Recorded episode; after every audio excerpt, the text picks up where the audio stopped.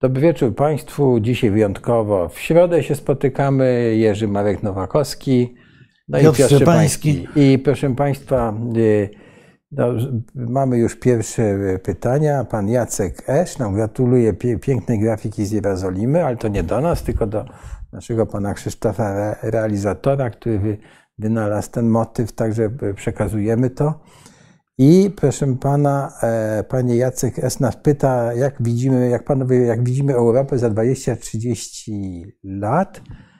E, to spróbujemy na to sobie po, po, tak, pomarzyć. Pytałem, a... pytałem kiedyś, czy Europa nie stanie się taką dużą Szwajcarią, takim obszarem dobrobytu, starzejącego się społeczeństwa, ale bez dużego znaczenia na świecie. Więc pewnie, pe, pewnie do tego dojdziemy. Ale chciałbym jeszcze powiedzieć, że tutaj ktoś nas pytał też, żeby zrobić program o Korei Południowej. Myślę, że w przyszłym tygodniu nam się tygodniu, uda to zrobić. Tak, zaprosimy tutaj profesora Adama Jelonka, zobaczymy, czy przyjdzie i porozmawiamy o Korei Południowej, jak to się w ogóle, co to za kraj, jak to się stało, że z kraju rolniczego, prawda, przez... No, ale nie, no w ogóle osiągnęli sukces, ale ten sukces y, to y, przecież y, to już nawet starsi od nas pamiętają, to, że kiedyś produkty japońskie były synonimem tandety. Koreańskie. Nie, japońskie były japońskie synonimem kiedyś, tak, tandety. Też, tak. Minęło kilkanaście lat, Japonia stała się wyznacznikiem jakości. Potem za tandetę uchodziły produkty koreańskie. Tak. Koreański telewizor, magnetowid, tak, samochód, to było w ogóle, to, to, to, to, to dla biedaków było, tylko w tej chwili w, elektronice przodują właściwie, w y, motoryzacji, no te samochody koreańskie widać na ulicach, że są coraz popularniejsze i coraz no, lepsze. 7 lat gwarancji, nic nie rdzewieje, pięknie jeździ, w ogóle dorównują japońskim. Także prawie dorównują japońskim, y, więc y, rzeczywiście to jest ogromne osiągnięcie. Poza tym wyjście z kraj zniszczony wojną to też pewna lekcja być może będzie dla Ukrainy. Bo wojna koreańska była wojną okrutną i niszczącą. Podzielony.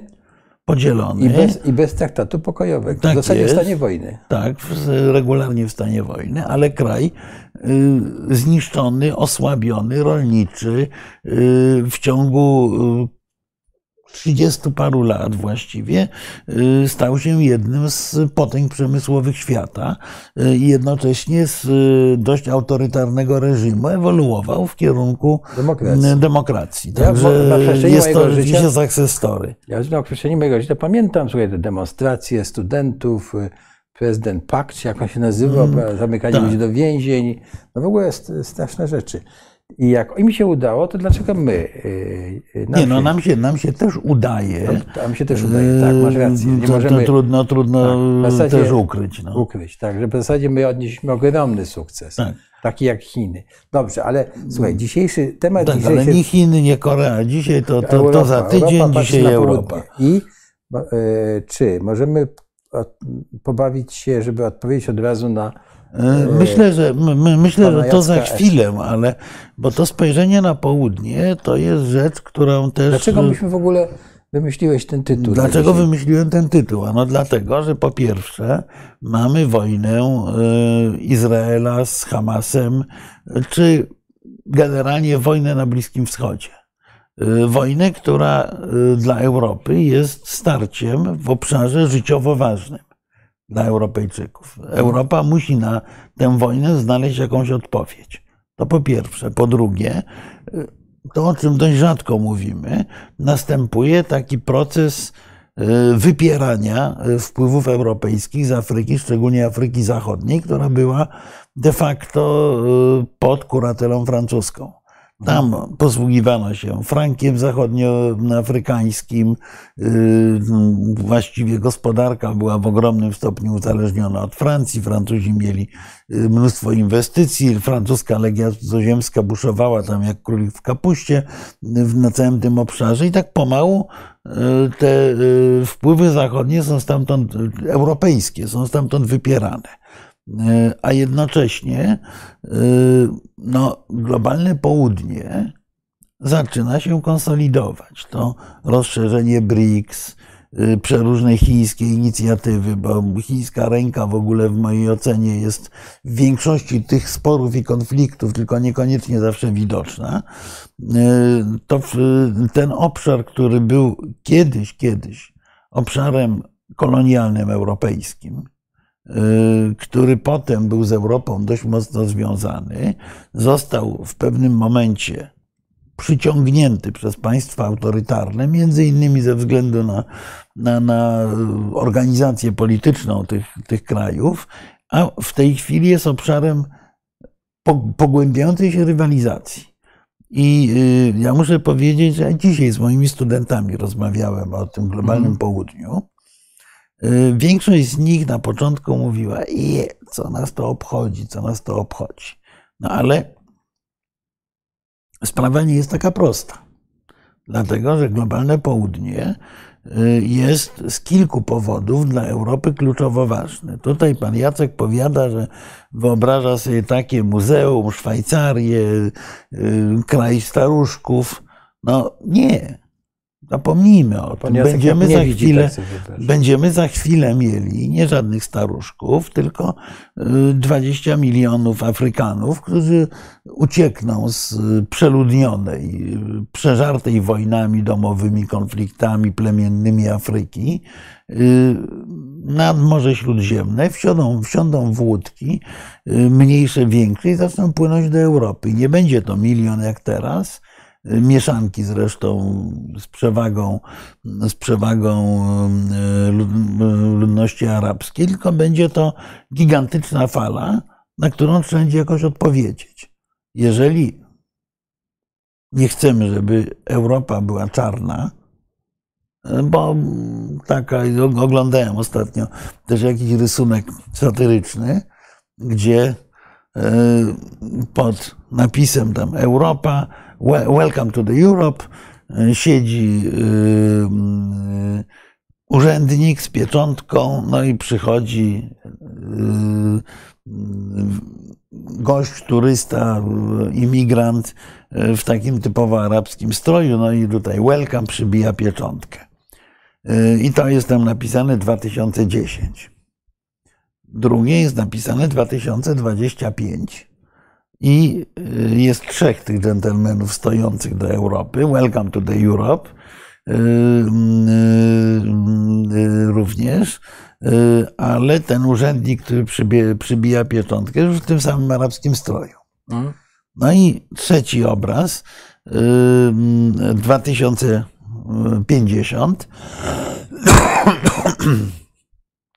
Europejczyk w garniturze stoi e, e, przed tym biurkiem. Za biurkiem siedzi znowu ten osobnik w stroju arabskim i napis jest go out. Więc coś, co, co, coś takiego mieści się w wyobraźni. No, przypominam powieść Huelbecka o uległość. Głośną w swoim czasie, bardzo dobrze zresztą napisaną. E, I y, musimy z wyprzedzeniem znaleźć na to zagrożenie odpowiedź. To zagrożenie to jest związane po pierwsze z biedą i przeludnieniem, po drugie z wojnami domowymi, po trzecie ze zmianami klimatycznymi, bo y, w Afryce subsaharyjskiej zaczyna być coraz bardziej gorąco coraz bardziej nieznośnie dla ludzi, a nie, nieznośnie dla ludzi oznacza również y, kłopoty rolnictwa. W każdym razie musimy mieć świadomość, że w dającej się przewidzieć przyszłości, nie dla naszych wnuków, a raczej, a raczej y, być może jeszcze dla nas i dla naszych dzieci, y, mm, pojawi się gigantyczny nacisk imigracyjny. Jeżeli nie chcemy, żeby się pojawił, to musimy wykonać coś, co ja w rozmowie właśnie z moimi studentami określiłem trochę okropnie, e, mianowicie mianem e, neokolonizacji 2.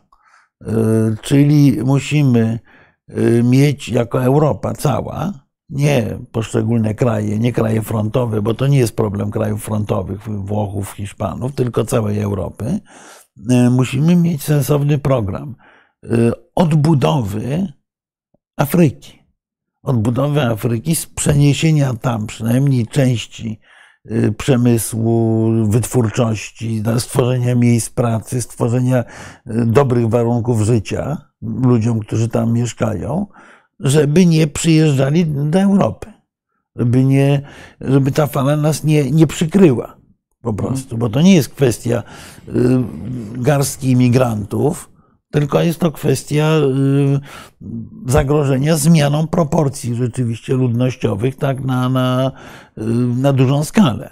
To, to, to, to, to, nie, to, to, to nie są żarty, no bo to po prostu oznacza, że europejska cywilizacja zmieni się kompletnie, jeżeli nie będziemy mieli dobrej odpowiedzi na to. To jest jedna rzecz, a druga rzecz to jest to, no i poza tym w Europie brakuje coraz bardziej rąk do pracy. Wobec tego wyprowadzenie istotnej części inwestycji, produkcji, w ogóle stworzenie pewnej zintegrowanej z Europą struktury ekonomicznej na terenie Afryki Subsaharyjskiej wydaje się być w ogóle jedyną rozsądną odpowiedzią na to wszystko, żeby tych ludzi tam zatrzymać. Żeby było dla nich na tyle atrakcyjnie i dobrze, żeby nie musieli przyjeżdżać tu, gdzie jest zimno, deszcz pada, no ogólnie, ogólnie nieprzyjemnie. Jak się nie musi, to się nie przyjeżdża przecież tutaj zwłaszcza z, z takich obszarów. E, jedna rzecz, a druga rzecz to jest to, że te surowce, które mają nam służyć do zielonej transformacji, one są tam, na południu. Ich w Europie za dużo nie mamy. Co prawda, e, premier, e, premier Portugalii musiał się podać do dymisji z powodu jakichś przekrętów wokół największej w Europie kopalni litu ale mhm. umówmy się, że tego litu w Europie tak dużo nie ma.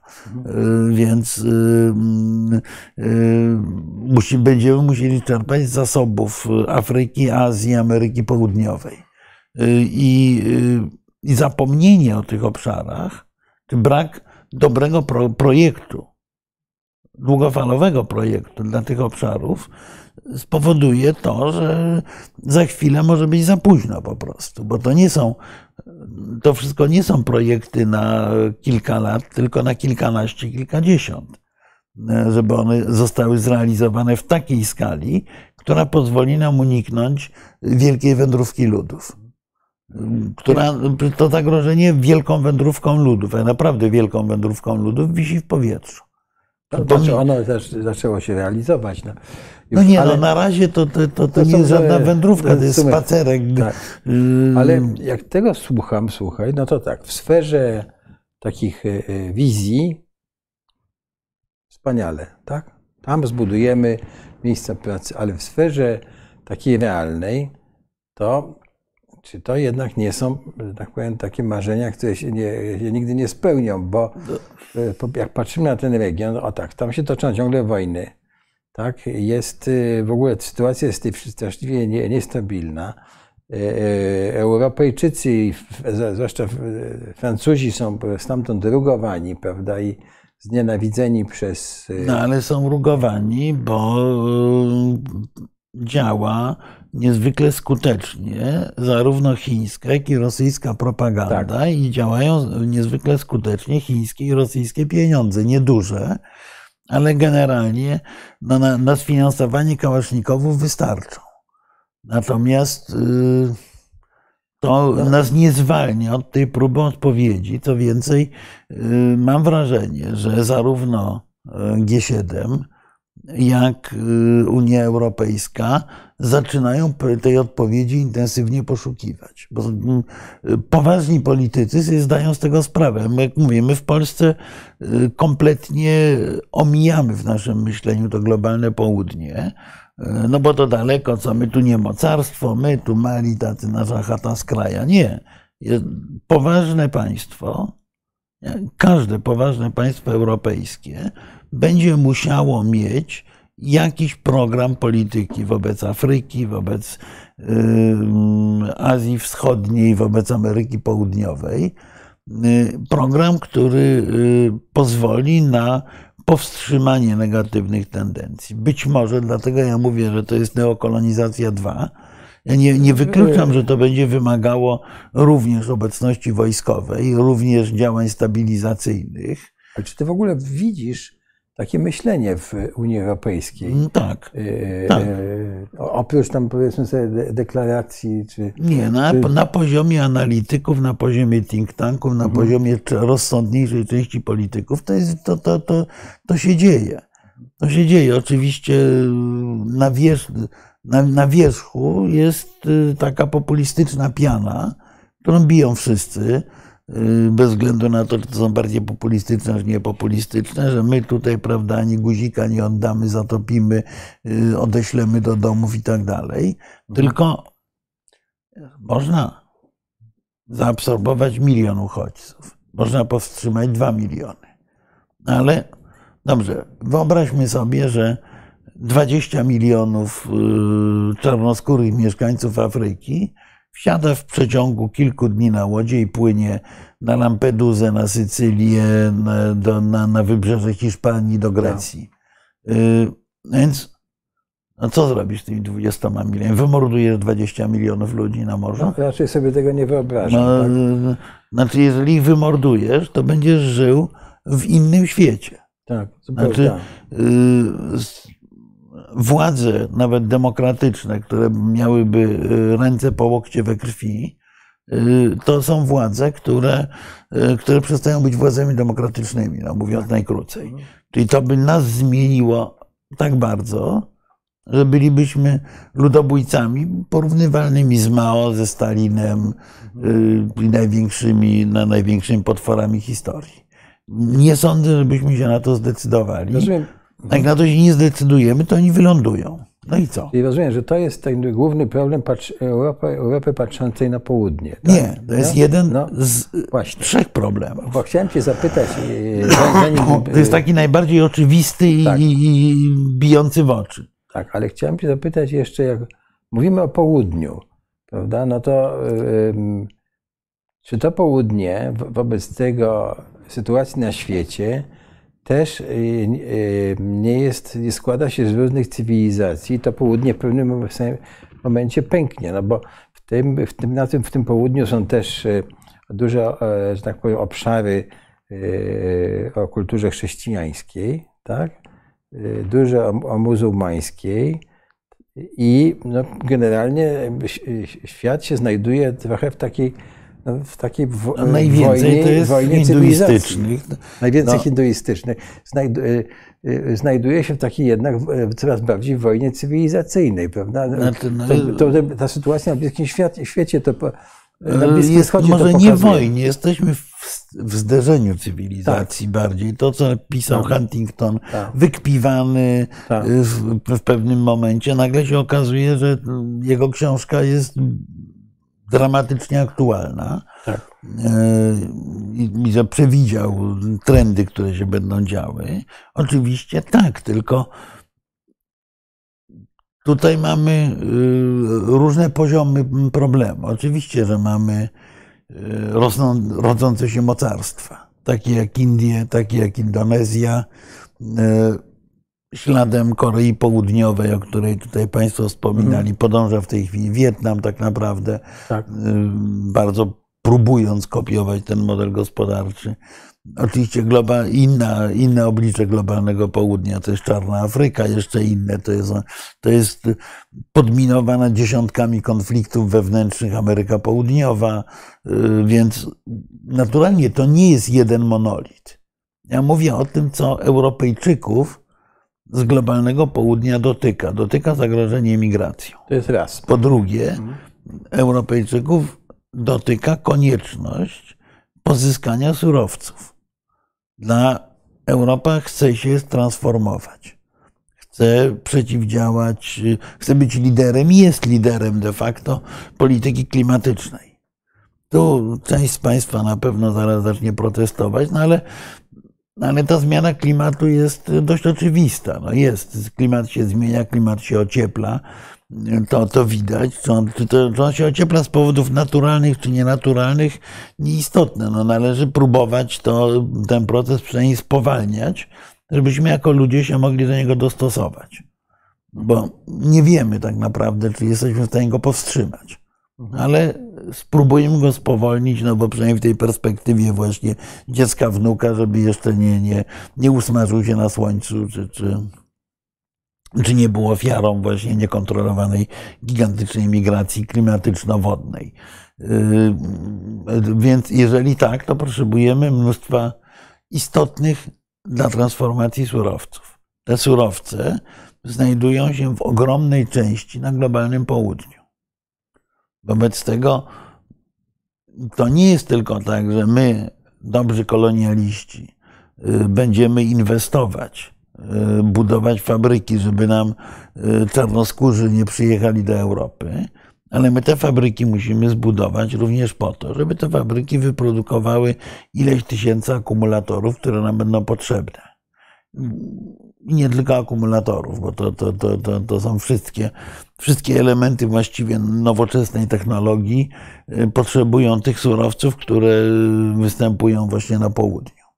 Czyli to nie jest tylko obawa, to jest również szansa szansa na to, że ustabilizujemy nasz rozwój nie jak w pierwszej fazie kolonializmu, dominując, a rozsądnie współpracując z tym obszarem. To jest druga rzecz. A trzecia jest taka, że globalne południe jest nośnikiem wojen i terroryzmu. To, co stało się pomiędzy Hamasem i Izraelem, czy pomiędzy strefą gazy i Palestyńczykami a Izraelem, reakcje świata arabskiego są tego znakomitym dowodem. Bo znowu Europa, Europa żyła w takim miłym ciepełku, którym my próbujemy dalej siedzieć tak naprawdę jako, jak, jako społeczeństwo i państwo. W takim miłym ciepełku, że nas to wszystko nie obchodzi, My tutaj się rozwijamy, handlujemy, y, odnawiamy nasze wspaniałe zabytki, zajmujemy się kulturą, y, niestety coraz bardziej niską, a nie wysoką. A y, niech na całym świecie wojna, byle polska wieś zaciszna, byle polska wieś spokojna. Tu można to sparafrazować, że nie polska, europejska. Tylko Amerykanie od przynajmniej 20 lat na różnych spotkaniach zamkniętych powtarzali europejskim politykom, że wy jako Europa powinniście być dużo bardziej aktywni na obszarze Bliskiego Wschodu. Nas, nam to właściwie Amerykanie mówili, do niczego nie jest, nie, nie jest potrzebne. Bo my mamy ropę, mamy gaz, jesteśmy wielkim producentem, jesteśmy eksporterem. Wobec tego nie musimy się tam angażować. A wy macie to obok siebie. Do was przyjadą stamtąd terroryści, za chwilę uchodźcy yy, i wam obetną dostawy ropy albo podniosą ceny tak, że wasze gospodarki zaczną walić. No i, i właściwie to mamy, bo Europa cały czas była w niewielkim stopniu zaangażowana. Jeżeli była zaangażowana, to była zaangażowana trochę w takim stylu piękno ducha, który tutaj, prawda, mówi, no tak. jacy to są dobrzy te dzieci, y, którymi się zaopiekujemy, ten Iran, z którym podpiszemy umowy, to ci wstrętni Amerykanie, to oni tutaj... No bo wiesz, była wtedy ta, ta ropa, gaz rosyjski i nam się wydawało, że wiesz, że to będzie tak no, na, na zawsze. Ale tak? większość i tak stamtąd kupowaliśmy, jako Europa, mhm. nie jako Polska. Wobec tego to, to było dość oczywiste, ale po co się wysilać, skoro Amerykanie tam cały czas tego pilnowali, no bo Amerykanie zadeklarowali, że będą bronili Izraela. Amerykanie dokonali olbrzymiego wysiłku, doprowadzając do ponad podziałami, bo to i Obama, i Trump, tak. i Biden w tym uczestniczyli, e, doprowadzając do e, sytuacji, w której wydawało się, że na Bliskim Wschodzie zapanuje pokój. Ja przypominam, że chyba 21 września tego roku Jake Sullivan udzielił, czyli doradca prezydenta do spraw bezpieczeństwa, udzielił wywiadu, w którym mówił nie mniej, nie więcej, że od kilkudziesięciu lat nie było na Bliskim Wschodzie tak spokojnie, że procesy tak. pokojowe idą znakomicie i że za chwilę pożegnamy się z tą zmorą gigantycznego konfliktu. Minęły dwa tygodnie, jest y, 7 października tego roku. Y,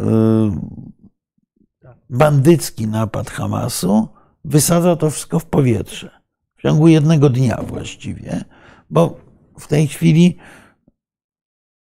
właściwie mamy jednolity front antyizraelski, bo kraje arabskie po pierwsze boją się Palestyńczyków yy, i stwierdzenie króla Jordanii, że przesiedlenie ludności palestyńskiej z gazy oznacza wojnę, Mhm. no jest tego najlepszym dowodem. Zasieki i twarda blokada na granicy Egiptu z, ze strefą gazy też tego znakomicie dowodzi. Porozumienie abrahamowe, które zakładało pełną akceptację e, Izraela przez wszystkie kraje arabskie, e, w tej chwili jest świstkiem papieru, seria porozumień. E, do gry na Bliskim Wschodzie włączył się aktywnie Iran, włącza się Turcja, zapowiadają się, co ważniejsze, Rosjanie, bo przypominam, że Władimir Putin z generałem Haftarem, Haftarem z Libii uzgodnił trzykrotne zwiększenie obecności rosyjskiej na terenie Libii. Mhm. Czyli w sposób absolutnie świadomy państwa osi zła podpalają ten cały interes.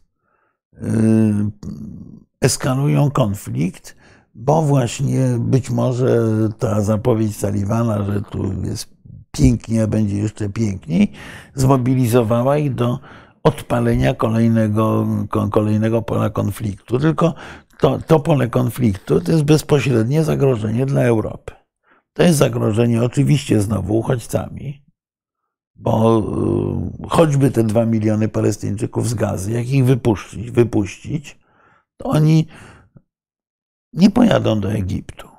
Oni będą chcieli jechać do Europy. Mhm. Tak. Y, Więc y, trudno się dziwić pewnemu sceptycyzmowi państw europejskich wobec takiej opcji.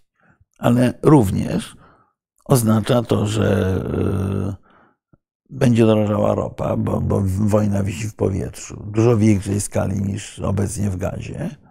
Y, Już drożeje ta ropa tak naprawdę, bo się wachnęła, ale myślę, że trend będzie rosnący, no bo, no bo jak jest zagrożenie konfliktem, to wiadomo, że, że, to, że, że te surowce muszą, muszą drożeć. I kolejna Pamiętajmy jeszcze jednej rzeczy. Kolejna droga, kolejny szlak yy, łączący Europę z południem zostaje przecięty. Jedne, jeden z tych szlaków prowadził ponad, nad Rosją i Ukrainą. Tak. Samoloty latały przecież tamtędy. Nie latają. Zaczęły latać tu nad Bliskim Wschodem i nad Turcją, okrążając z tej strony pole konfliktu. Więc wygląda na to, że też spokojnie latać nie będą mogły. Czyli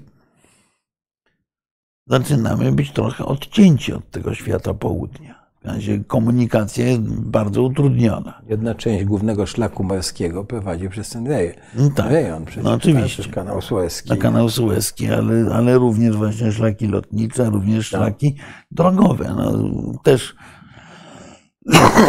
No i co? W związku z tym... rozmawiałem, ty- słuchaj, rozmawiałem z y, pasjonatem motocykli. Tak. On stwierdził, że no teraz nie da się dojechać do Egiptu ani do Izraela na motocyklu. Mhm. No tak, nie da On się. podróżował po całym świecie, no bo, bo, bo, się, bo się wpada w wojnę. Tak. Y, No dobrze, ale to w takim razie, wracając do naszej Europy, zanim odpowiemy na to pytanie, Europa... Na to Europejczyk na motocyklu jedzie. No. Tak, ale wracając do Europy, to w jakiej sytuacji jest Europa? No, w takim razie, no, y, czy my w ogóle, czy Znaczy- Europa w ogóle ma jakiekolwiek y, mm, narzędzia, żeby wpływać na tę sytuację? Czy No ogóle... więc no to jest pytanie, czego. Pytanie numer jeden brzmi, czy jest Europa? Mhm. To nie jest pytanie banalne. Jest? E, Ja mam nadzieję, że zaczyna być. Bo na razie ja nie widzę tego instrumentu, jeśli mówimy Europa, Unia Europejska, to Unia Europejska jest tak zaprojektowana, że ja nie widzę tego instrumentu, który by Unii Europejskiej pozwolił odpowiedzieć na te wyzwania, które tu powiedziałeś. Znaczy, no, Unia ma jeden instrument, tak naprawdę, czyli dawanie pieniędzy. To jest ważny instrument. No, nie, nie, nie oszukujmy ważny, tak. się, ale nie jedyny. Unia nie ma e, ujednoliconej polityki zagranicznej, mhm. choćby częściowo skoordynowanej. I oczywiście znowu usłyszymy, że to jest odbieranie suwerenności. No tylko niech którykolwiek kraj europejski, czy to jest Wielka Brytania, czy to jest Francja, jeden spoza Unii, drugi z Unii, to są Niemcy, niech którykolwiek kraj europejski spróbuje samodzielnie rozwiązać konflikt na Bliskim Wschodzie. Nie wydaje mi się, że będzie, żeby było to możliwe, ani, ani z tego powodu, że nie wystarczy na to pieniędzy, bo to są olbrzymie pieniądze do, do, do zainwestowania, ani nie ma żaden z krajów europejskich pojedynczych wystarczających sił militarnych, ludzkich, żeby się tam zaangażować. Tak samo jak żaden pojedynczy kraj europejski nie potrafi, nie ma możliwości, żeby potrafił zapobiec tej y, potencjalnej wielkiej, y, wielkiej fali ludzkiego tsunami z Afryki. To musi być zintegrowane działanie całej Europy. Pytanie oczywiście brzmi, czy my będziemy w stanie się zdobyć na takie zintegrowane działanie. Bo Europa jest oczywiście rozdzierana wewnętrznymi sporami, wewnętrznymi sprzecznościami. Natomiast jeśli nie, no to perspektywa jest dosyć ciemna. Ja, się, ja, ja, ja patrzę, muszę powiedzieć, z narastającym przerażeniem na różne, na, na tę antyeuropejską fobię naszych nacjonalistów różnych. Mhm. No bo mamy w oczywisty sposób manifestację tej fobii antyeuropejskiej. To są goście, którzy jednym tchem mówią, że nie chcemy imigrantów i nie chcemy Europy. Mhm. No, dobra. To yy, powstrzymajcie sami tych imigrantów. Bo nie wiem, czy Europa jako cała będzie potrafiła znaleźć odpowiedź. Tu y, mamy rozmowę o tym polskim żołnierzu, który postrzelił imigranta na granicy. Tak. Nasi, na, na, na, nasi widzowie o tym dyskutują. No dobrze, tylko postrzelenie jednego imigranta, nawet takie sceny, jakie pokazuje Agnieszka Holland w y, Zielonej Granicy, to jest, to jest nic kompletne w stosunku do tego, co nam naprawdę grozi. No co się czasami dzieje, bo y, mało kto zwrócił uwagę, że y, w tym filmie Holland, który jest odsądzany od, czci i wiary jako antypolski przez różnych komentatorów, najczęściej tych, co filmu nie widzieli skądinąd, ale to inna sprawa. Otóż w tym filmie jednym chórem y, ci ludzie, którzy są tak straszliwie tam traktowani na tej granicy, mówią, że oni wybrali tę drogę, bo e, droga łodziami e, z południa jest jeszcze gorsza. E, no okej, okay. tylko, tylko to wszystko może i być odpowiedzią na przypływ, nie bardzo jest odpowiedzią na wysoką falę, a już na pewno nie jest żadną odpowiedzią na tsunami. Na tsunami, tak. Y, mówię, jedyna sensowna odpowiedź to jest bardzo kosztowny, wspólny program ekonomiczny. Tu skądinąd Polacy mają sporą rolę, mogą odegrać sporą rolę, no bo jesteśmy poważnym państwem europejskim, średnim, a nawet y, niektórzy twierdzą, że dużym. Otóż jesteśmy jednym z niewielu dużych krajów europejskich, które nie mają obciążenia kolonializmem. Wobec tego Polak e, w tamtych, w Afryce Zachodniej, w Afryce Wschodniej, w krajach arabskich jest postrzegany dużo lepiej niż Francuz, Anglik czy Włoch. Co wynika, co wynika po prostu z banalnego stereotypu. Ale oczywiście Polak ma tę, ma, ma, ma tę słabość w stosunku do owego Francuza, Anglika i Włocha. Ma dwie słabości. Po pierwsze, nie ma doświadczenia na tym obszarze, a po drugie, nie ma pieniędzy. Tak. Wobec tego my możemy naszą względną słabość wykorzystać, występując jako podwykonawcy w różnych projektach dziejących się na tym, na tym obszarze. Y, Głupota, przepraszam za, za, za określenie, naszych amerykańskich sojuszników sprawiła, że nie wykorzystano y, polskich możliwości w y, pierwszej fazie odbudowy Iraku. Myśmy w tym Iraku byli przez dziesięciolecia obecni jako konstruktorzy, budowniczowie, doradcy na przeróż, przy przeróżnych przedsięwzięciach Saddama Husajna. Komu szkodziło, żeby te kontakty, te doświadczenia tych ludzi wykorzystać w tym pierwszym etapie po, po zwycięstwie. Bo potem to już wszystko się w ogóle walnęło, przepraszam za, za, za, za kolokwializm i, i niewiele się dało zrobić. Ale na początku dałoby się, gdyby, gdyby spróbowano przynajmniej, nie wiem, czy by się dało, ale była szansa, że się da, gdyby spróbowano z tego skorzystać. Więc y, Polska powinna mieć wobec tego południa, zwłaszcza z częścią tego południa miała kiedyś uczciwie mówiąc, głównie w PRL-u dobre relacje. Y, I jakieś resztki tego pozytywnego stereotypu pozostały. Zresztą tak jak na przykład rzecz, której też kompletnie nie wykorzystaliśmy i chyba też już jest za późno. Y, rzecz, jaką był stereotyp Polaka w krajach Azji Środkowej. W krajach Azji Środkowej ja rozmawiałem w, z Kirgizami, z Kazachami. Polak to był ktoś,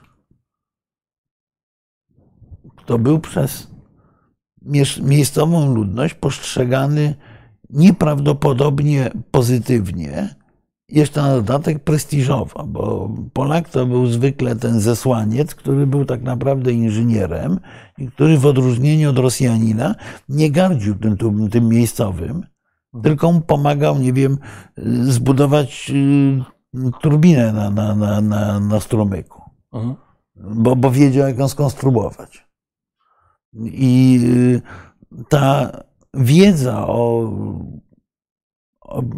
Polakach, którzy są razem z nami ofiarami, z nami Kazachami, z nami y, Uzbekami, są ofiarami tego imperializmu, a którzy razem z nami coś robią była, y, to, to był bardzo, bardzo dobry y, bagaż do, do, do, do budowania czegoś, tylko myśmy sobie to odpuścili. W wypadku południa jest podobnie. Polak był tak samo ofiarą mocarstw kolonialnych, przynajmniej niektórych, y, jak, jak ci, nie wiem, Tanzańczycy, tak? Mhm. Co za problem, żeby ten, ten motyw wykorzystywać. Znowu wiesz, ja pamiętam, pamiętam takie rozmowy z y, kenijskimi historykami. Przypadkowo spotkałem gdzieś w trakcie zwiedzania jakichś zabytków Oczywiście zabytków postkolonialnych zresztą. I, no i tak się wdaliśmy w rozmowę, bo oni tam przeczytali jakąś książkę o Polsce i to niesłychanie ciekawe w ogóle ta Europa Środkowa, no bo wyście tu nie, nie, nie mieli żadnych kolonii, nie, nie byliście, byliście właściwie białymi murzynami. Y, ja im pamiętam, że podsyłałem właśnie angielskie wydanie chyba historii Europy Środkowej Piotra Wandycza, coś tam mhm, jeszcze. Do, do, do, do tej Kenii, ale, ale ta rozmowa była o tyle fascynująca, że właśnie otrzymywałem od ludzi wykształconych e, przekaz, że no, my się z wami możemy dogadać, w odróżnieniu od e, tych, którzy nas tu gnębili jako, jako mocarstwo kolonialne. Mocarstwo kolonialne zawsze będzie miało swoje wpływy, bo ma tam własność, pieniądze, tradycje, język i tak dalej, ale, ale my możemy być tam obecni jako Polska.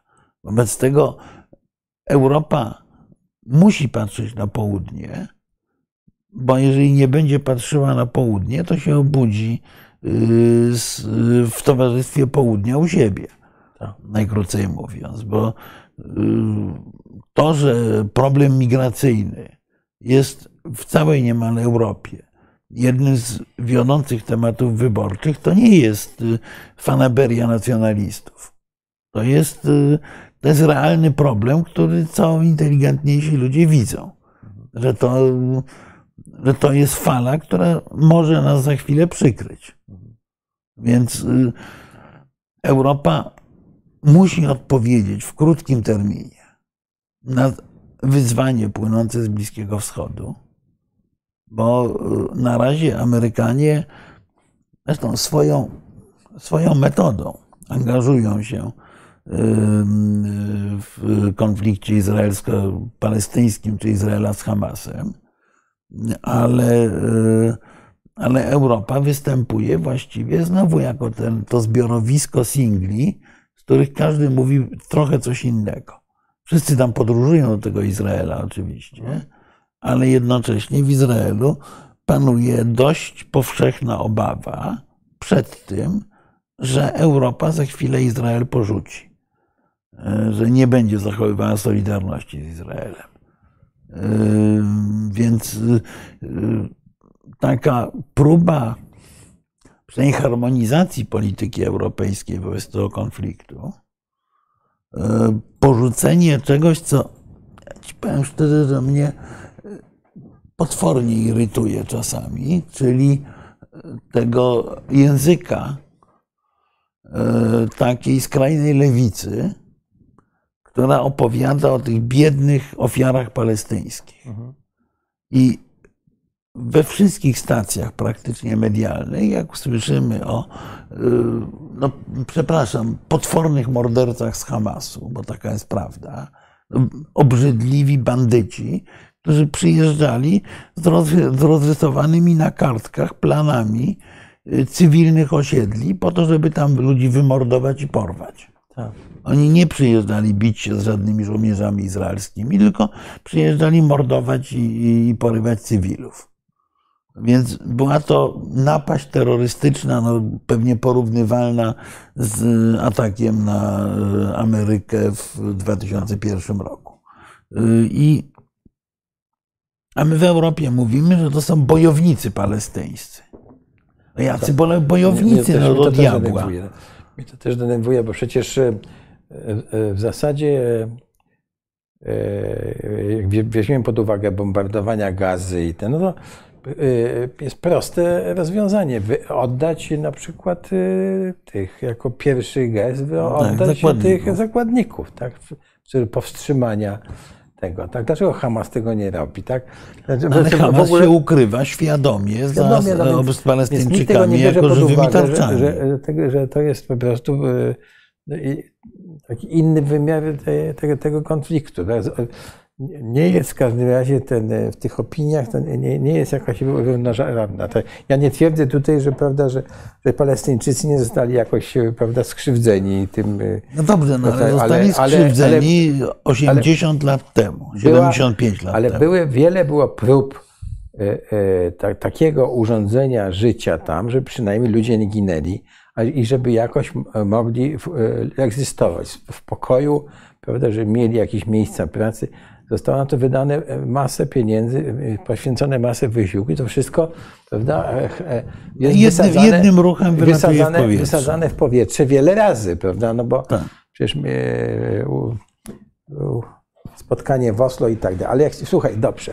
Chciałbym, żebyśmy wrócili i odpowiedzieli jednak panu Jackowi, jak sobie tę Europę widzimy za 30 lat, bo mi się, mi, ja uważam, że o żadnej Szwajcarii w dzisiejszych czasach, dzisiejszej perspektywy już nie możemy mówić. Znaczy nie będzie żadne, żadny sk- skansen, muzeum i o, obszar, znaczy obszar, może być nie, nie, nie, nie będzie, może nie będzie żadnego dobrobytu, bo po prostu nacisk e, i zagrożenia są tak duże, że to nie powstanie. No to nie łudźmy się. To znaczy, po prostu y, już widać, że może ta perspektywa była, miała jakiś sens jeszcze 5 lat temu, ale dzisiaj już widać, że, że nie, no, że tak, nie, tak spokojnie nie będzie, jak to pan Jacek nam opisuje, prawda? Y, pewnie tak spokojnie nie będzie, no bo, y, bo jeżeli Europa będzie podzielona, to będzie tak jak, to już parę razy o tym mówiliśmy, to stanie się po prostu polem rozgrywki zewnętrznych mocarstw. Mhm. Mocarstw, które y, potraktują Europę jako obszar, jako obszar wojen zastępczych podburzając y, jedne państwa przeciwko drugim, y, wzmacniając konflikty, nasyłając tak. Rosjan. Y, to spokojnie pewnie nie będzie. To, to, to jest taki trochę przeszły, przeszły obraz tak. Europy, kiedy nam się wydawało, że będziemy przewodnikami po muzeum, do którego przyjeżdżają Chińczycy. Mhm. Nie. No, wydaje się, że ani Chińczycy nie będą przyjeżdżać, bo ich gospodarka yy, chyba się okaże w dużej mierze wydmuszką. Yy, nie wiem na ile, ale, ale mam, mam taką mhm. intuicję, że, yy, że centralne planowanie wykończyło całą Europę Środkową i, i Rosję i wykończy Chińczyków również.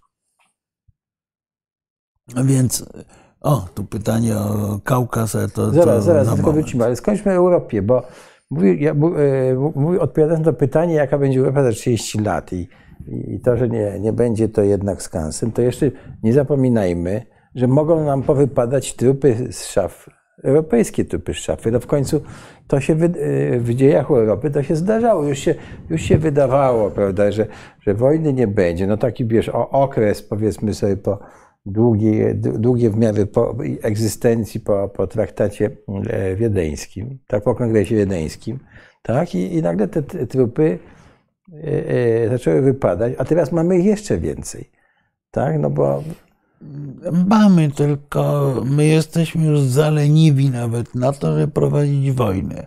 Zresztą. Między sobą. W ogóle. W ogóle. W ogóle. Ja pamiętam taki esej Edwarda Lutwaka, chyba tak. z początku lat 70., y, opublikowany w Foreign Affairs, y, wtedy bardzo głośny i trochę zapomniany, niesłusznie, kiedy Lutwak dowodził, że właściwie wielka wojna jest, czy poważna wojna jest współcześnie niemożliwa, ponieważ patrzył przez pryzmat świata zachodniego oczywiście, tak. ponieważ obywatele nie są, nie są w stanie zaakceptować strat krwawych, mhm. śmierci ludzi masowej. Mhm. I y, no oczywiście y, wojna Rosji przeciwko Ukrainie dowodzi, że tam są w stanie to zaakceptować, tak. bo, bo, bo odbywa się tam hekatomba ofiar. Według tego, co mówi generał Załużny, a Załużny chyba mówi prawdę, zginęło około 150 tysięcy Rosjan. Mhm. Następne 150 tysięcy zostało wyeliminowanych, więc poważnie rannych. 150 y, tysięcy ofiar to znaczy, że co tysięczny Rosjanin zginął. Mhm. Ten co tysięczny Rosjanin ma zazwyczaj babcie, bo to jest najczęściej młody człowiek, bo armia ukraińska jest stara, armia rosyjska jest młoda. E, więc y, ma y, dziadków, cztery osoby, ma rodziców, ma jakichś krewniaków jeszcze, czyli bezpośrednio śmierć na wojnie dotyka powiedzmy plus minus 1% ludności Federacji Rosyjskiej. Ten 1% ma. To jest znacznie więcej niż w wojnie w Afganistanie. Mm, nieporównywalnie więcej. Y, Rosjanie oczywiście jeszcze na to nie reagują. Natomiast y, pamiętajmy, że jeden z powodów, dla którego na przykład Amerykanie naciskają na Izrael, żeby powstrzymywał ofensywę w strefie gazy, to jest właśnie ta y, niezdolność społeczeństw Zachodu do akceptowania y, ogromnej, y, ogromnej ilości ofiar. Y, Podobnie zresztą jest, jeśli idzie o naciski na jakąś formę zamrożenia wojny w Ukrainie. Y, Więc y, pewnie Ludwak miał rację w tym, co, co, co, co, pisał. Mhm.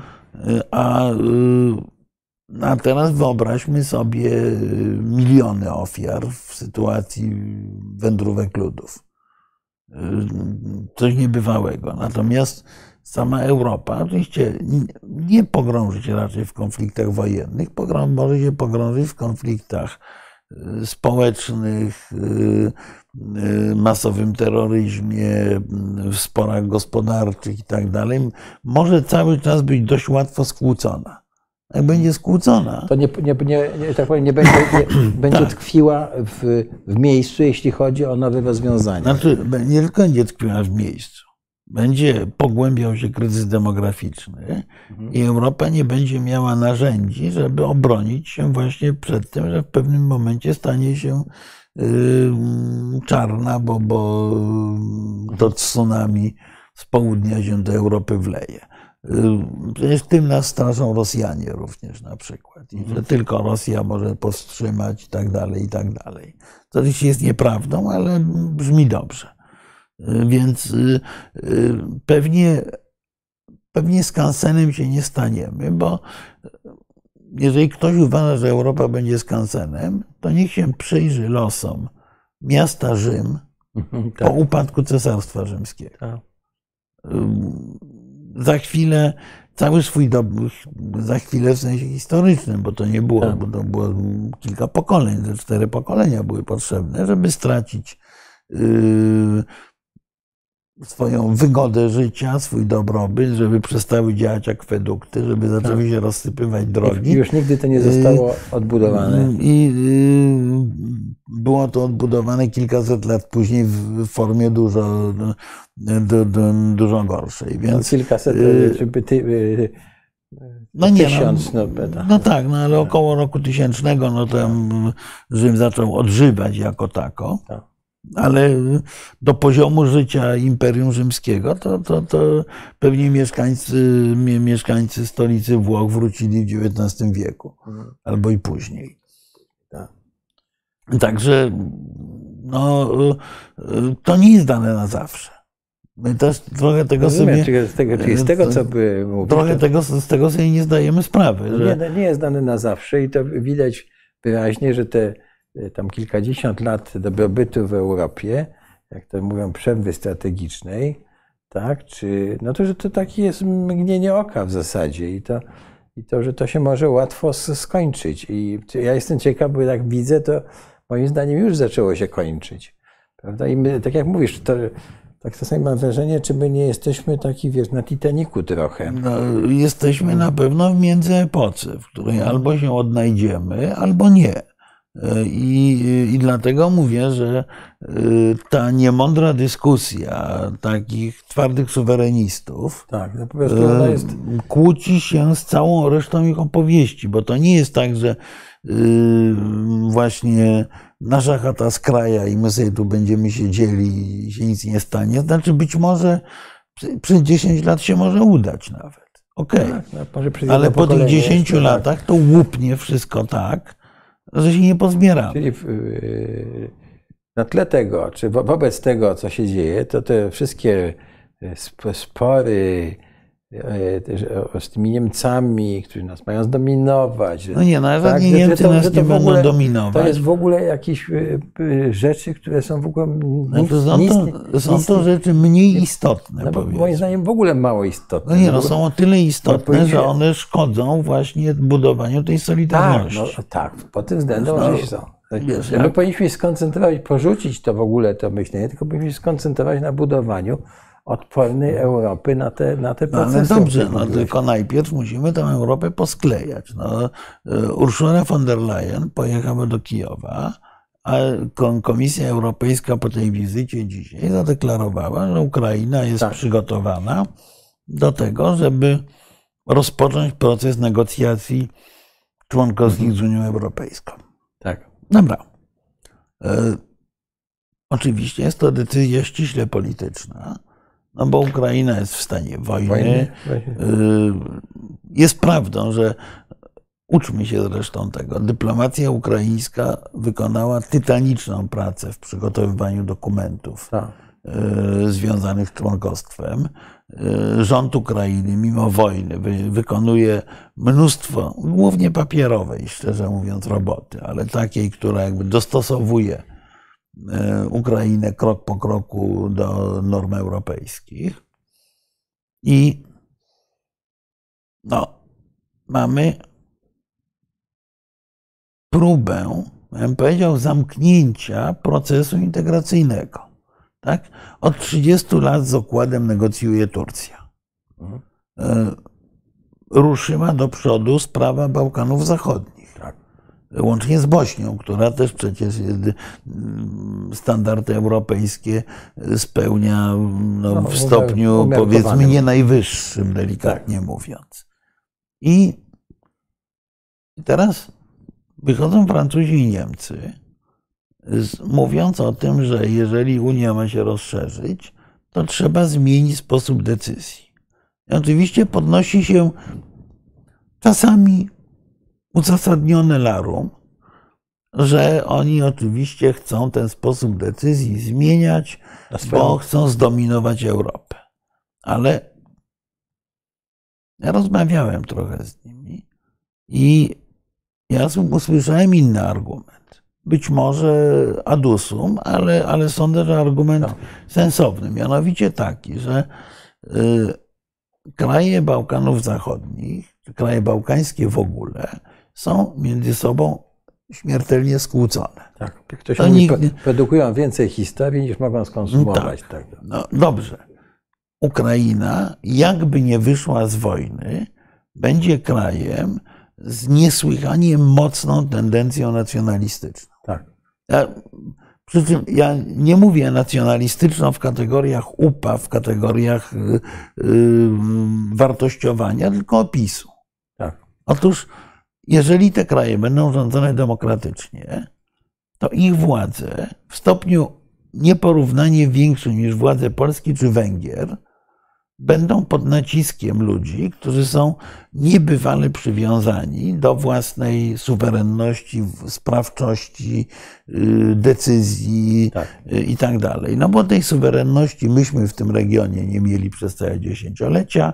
Ukraińcy tą suwerenność wywalczyli, czy wywalczają nadal y, za tak. niebywałą cenę. Wące. Wobec tego będzie nacisk na bardzo asertywne zachowania władz wewnątrz Unii Europejskiej.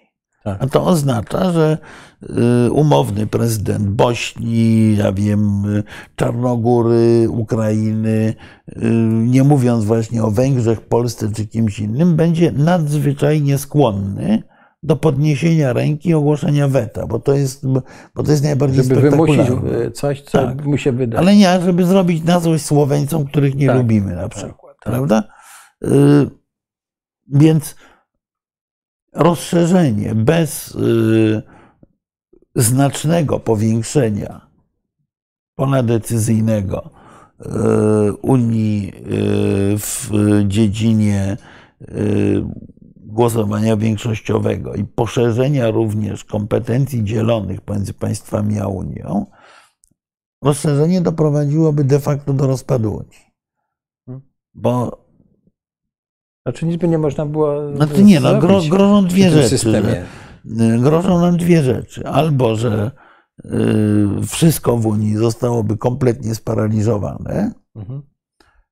albo Unia podzieliłaby się, i to jest realne zagrożenie związane z akcesją Ukrainy, na kilka kręgów integracji, w, których, w którym tak naprawdę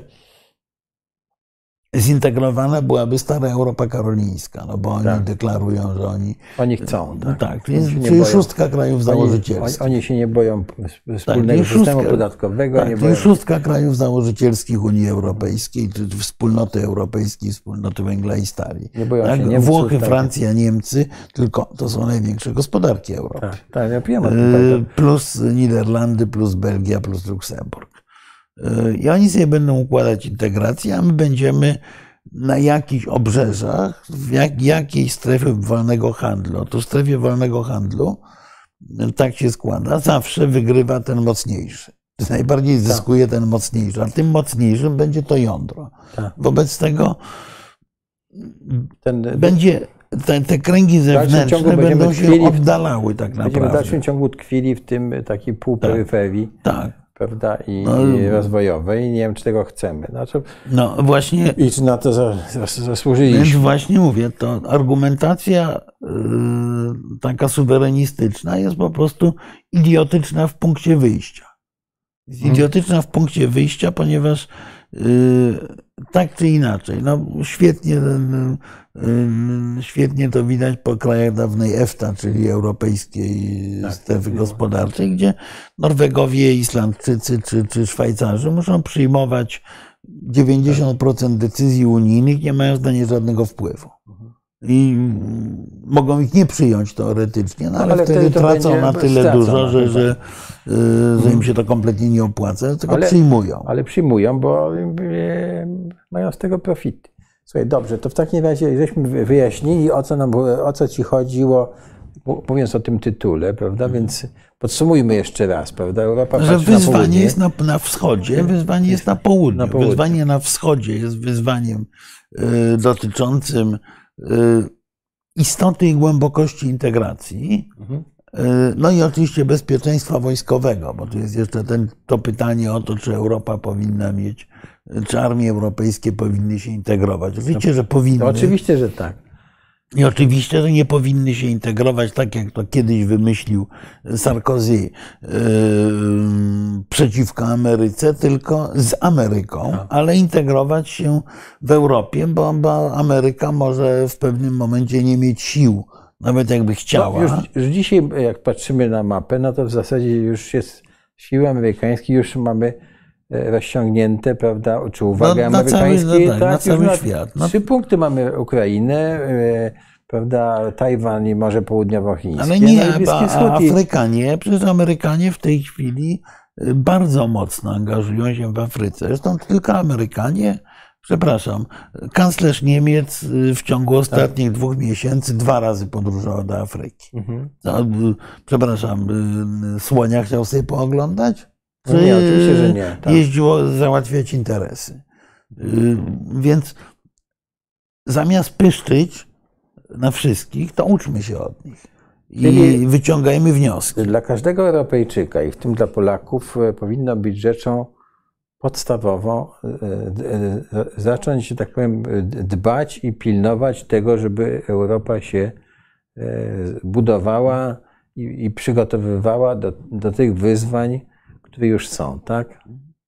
Tak, no to ja bym powiedział tak, ze wschodu y, mogą nas okraść, pobić, zgwałcić y, i zburzyć nam chałupę. A z południa y, mogą doprowadzić do tego, że, za, że zanikniemy jako cywilizacja, tak. bo nas dominują. Choćby, y, cho, choćby w- wiesz, jak, jak patrzę na, na te ogromne demonstracje e, muzułmańskie na ulicach europejskich miast, to ja, e, no, mnie to niepokoi, prawda? No, bo to jest jednak inna cywilizacja e, w naszym sercu. No, oni korzystają w, tym, w tych demonstracjach, korzystają z naszych praw, prawda? A, ale demonstrują w, w imieniu, prawda? I, I czegoś innego. Dobra. To teraz pytania. Od, odpowiedzmy. pytań i komentarzy jest dużo. Bardzo dużo, ale E, Tutaj już ten, ten, ta pierwsza część, no tu jest ten żołnierz, który Tak. e, to Night Row i Tak. człowiek Xboxa o tym żołnierzu, który zresztą prawdopodobnie postrzelił tego nieszczęsnego imigranta przez przypadek, bo się potknął. tak, ale E, pozwolisz, no, że mnie to zaniepokoiło, że żołnierz może się potknąć i karabin, karabin mu wy, wypalił, bo No to ale jest jakiś... to się zdarza to się zdarza, tak, no. Natomiast y, myślę, że to, że, że, że to nie jest, y, że to nie jest problem y, w rzeczywistości.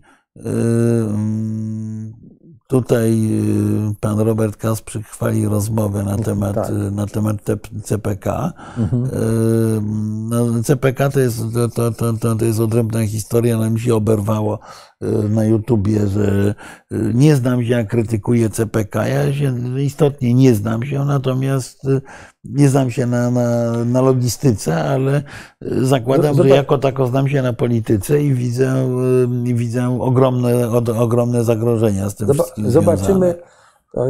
y, trzeba się tej inwestycji przyjść, zobaczymy, co, co będzie. Nie, nie, nie trzeba w każdym razie, najgorsze by było skasować i tak dalej. Takie są rezultaty, że tak, by, tak mówił pan, który był wczoraj, wczoraj rozmawialiśmy o tym. No tak, no, ale to jest to, to na pewno w takiej wersji, jaka jest planowana, to jest gigantomania. Zresztą to powiedzieli skądinąd sami inwestorzy, których tam, żeby zabetonować projekt, ściągają, ści- rząd ściąga.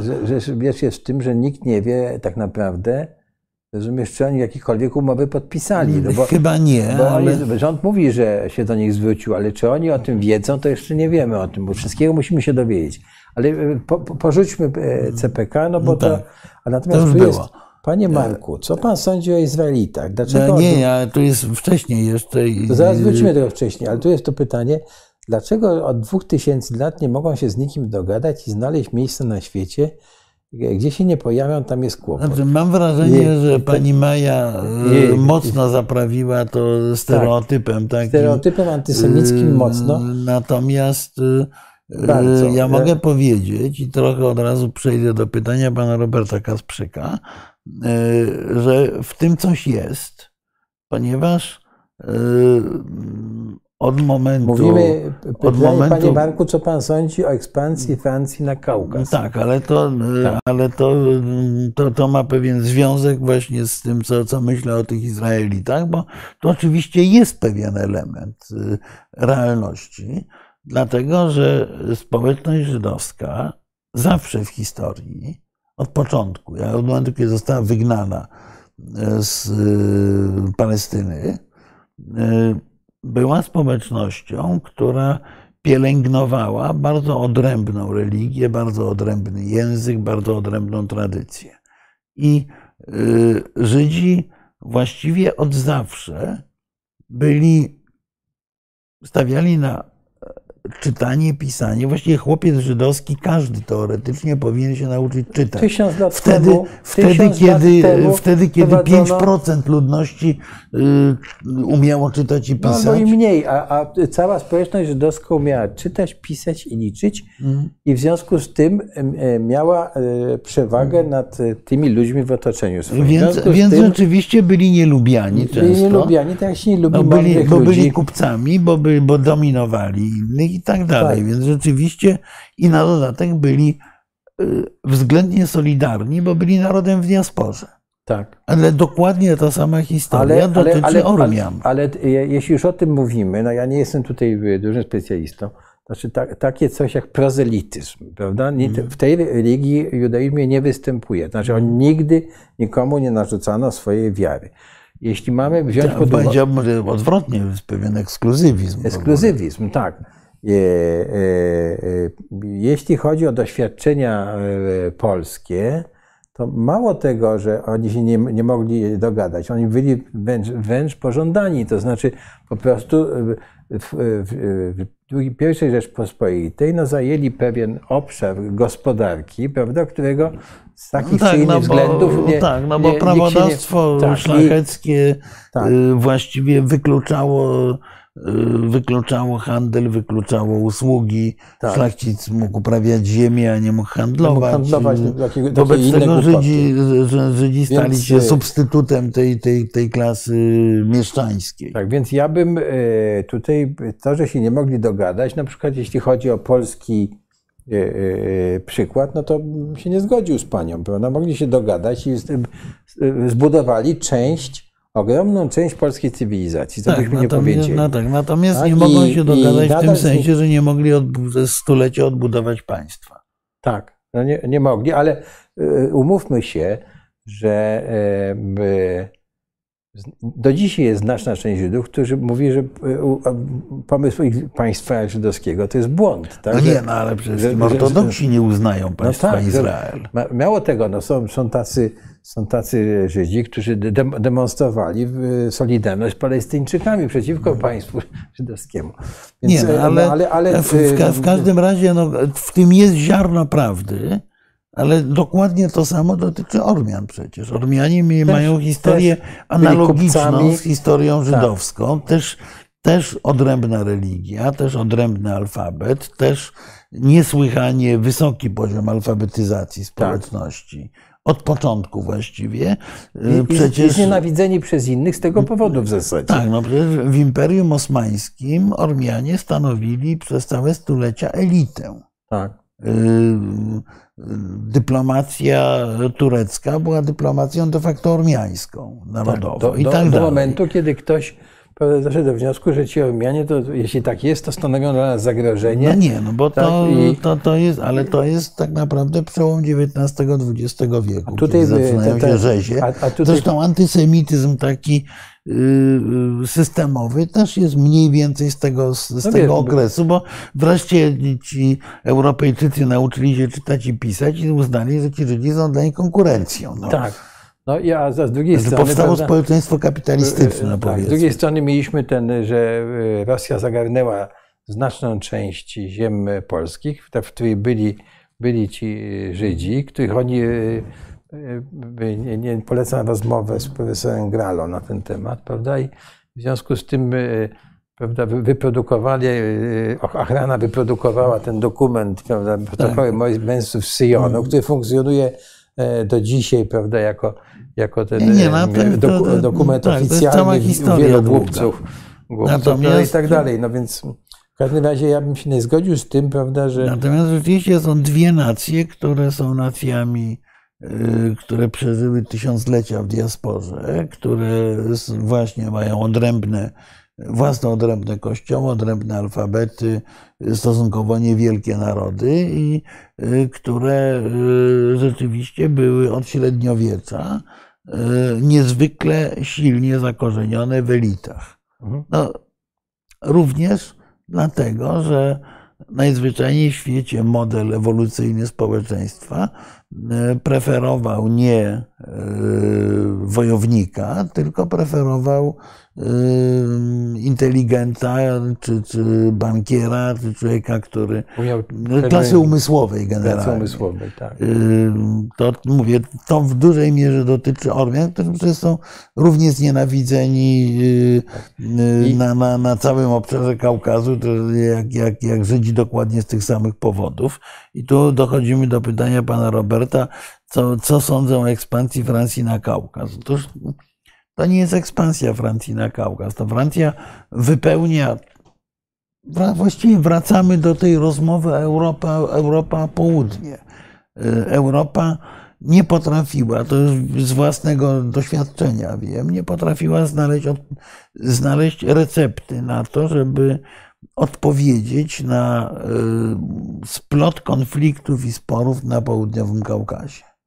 Y, mimo ewidentnie dobrej woli, bo, bo, bo Europejczycy chcieli, y, Ormianie czy Gruzini chcieli Europejczyków w dużym stopniu, tylko Europa przychodziła jak stara ciotka i rozdawała prezenty.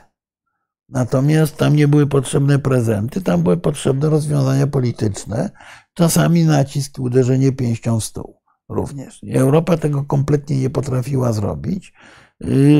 I w tej chwili Francuzi właściwie próbują zastępować Europę, tak naprawdę, całą.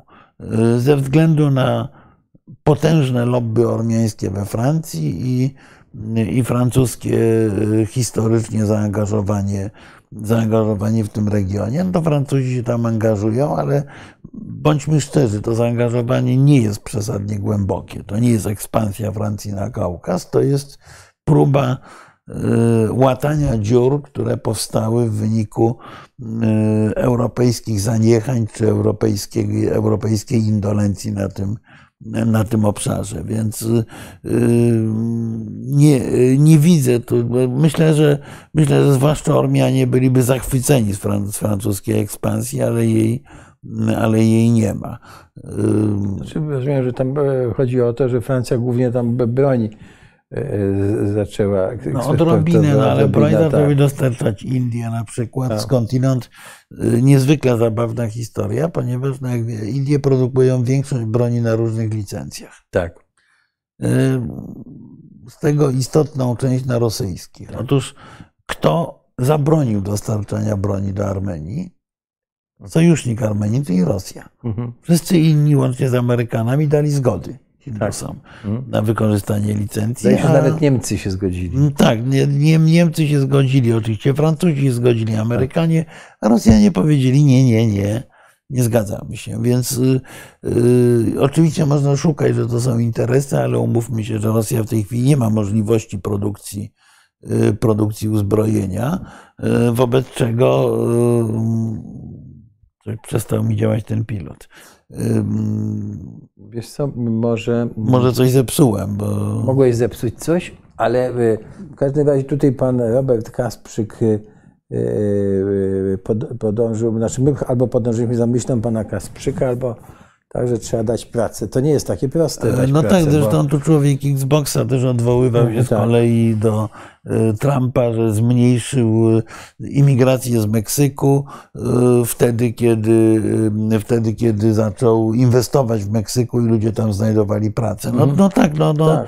Dokładnie, do, do, do, dokładnie o, tym, o tym mówimy, że to jest, ale to jest, pod, ponieważ problem jest gigantyczny, to odpowiedź jest też potrzebna europejska, ogólnoeuropejska, ponieważ żadne z państw Europy samo tego nie udźwignie. Znaczy chciałbym, żebyśmy mieli takie wyzwania z migrantami, jak e, e, w Europie, jak ma jak mają Stany Zjednoczone wiesz, na granicy z no, Meksykiem. Tak? No, ja bym nie powiedział, to jednak na, napływ imigrantów z y, Meksyku, czy szerzej z Ameryki Południowej i Środkowej stał się dla Stanów problemem. Wiesz, ja y, zobaczyłem, jaki to jest problem, jak w bankomacie, w bankomacie w Nowym Jorku pojawiło się intuicyjnie dialog w języku hiszpańskim. Trzeba było dopiero wybrać angielski. Więc. No, to, ale Stany są krajem dwu, dwujęzycznym. E, no tak, ale to tak. jest stosunkowo niedawna historia. Niedawno, Wobec tak, tego tak, ten no, napływ no. imigrantów latynoskich rzeczywiście dla Amerykanów jest, y, jest problemem. Mhm. Y, wyścig Afrykan, część druga, tym razem z Chinami. Y, I z Chinami, i z Rosją, panie Mariuszu pan Mariusz Zybold stwierdza, bo, mhm. bo Rosjanie się w Afryce świadomie angażują po to, żeby zrobić kłopot Europejczykom.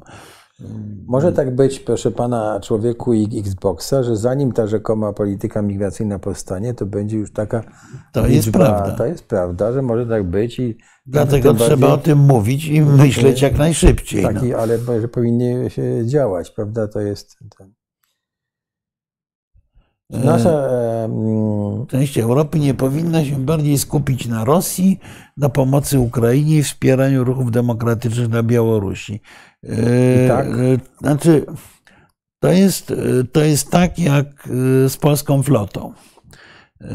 Generalnie nam są potrzebne małe kutry, łodzie patrolowe malutkie i niewiele więcej na Bałtyku ale oczywiście powinniśmy mieć zbudowany przynajmniej jeden porządny okręt, jakąś fregatę albo coś takiego.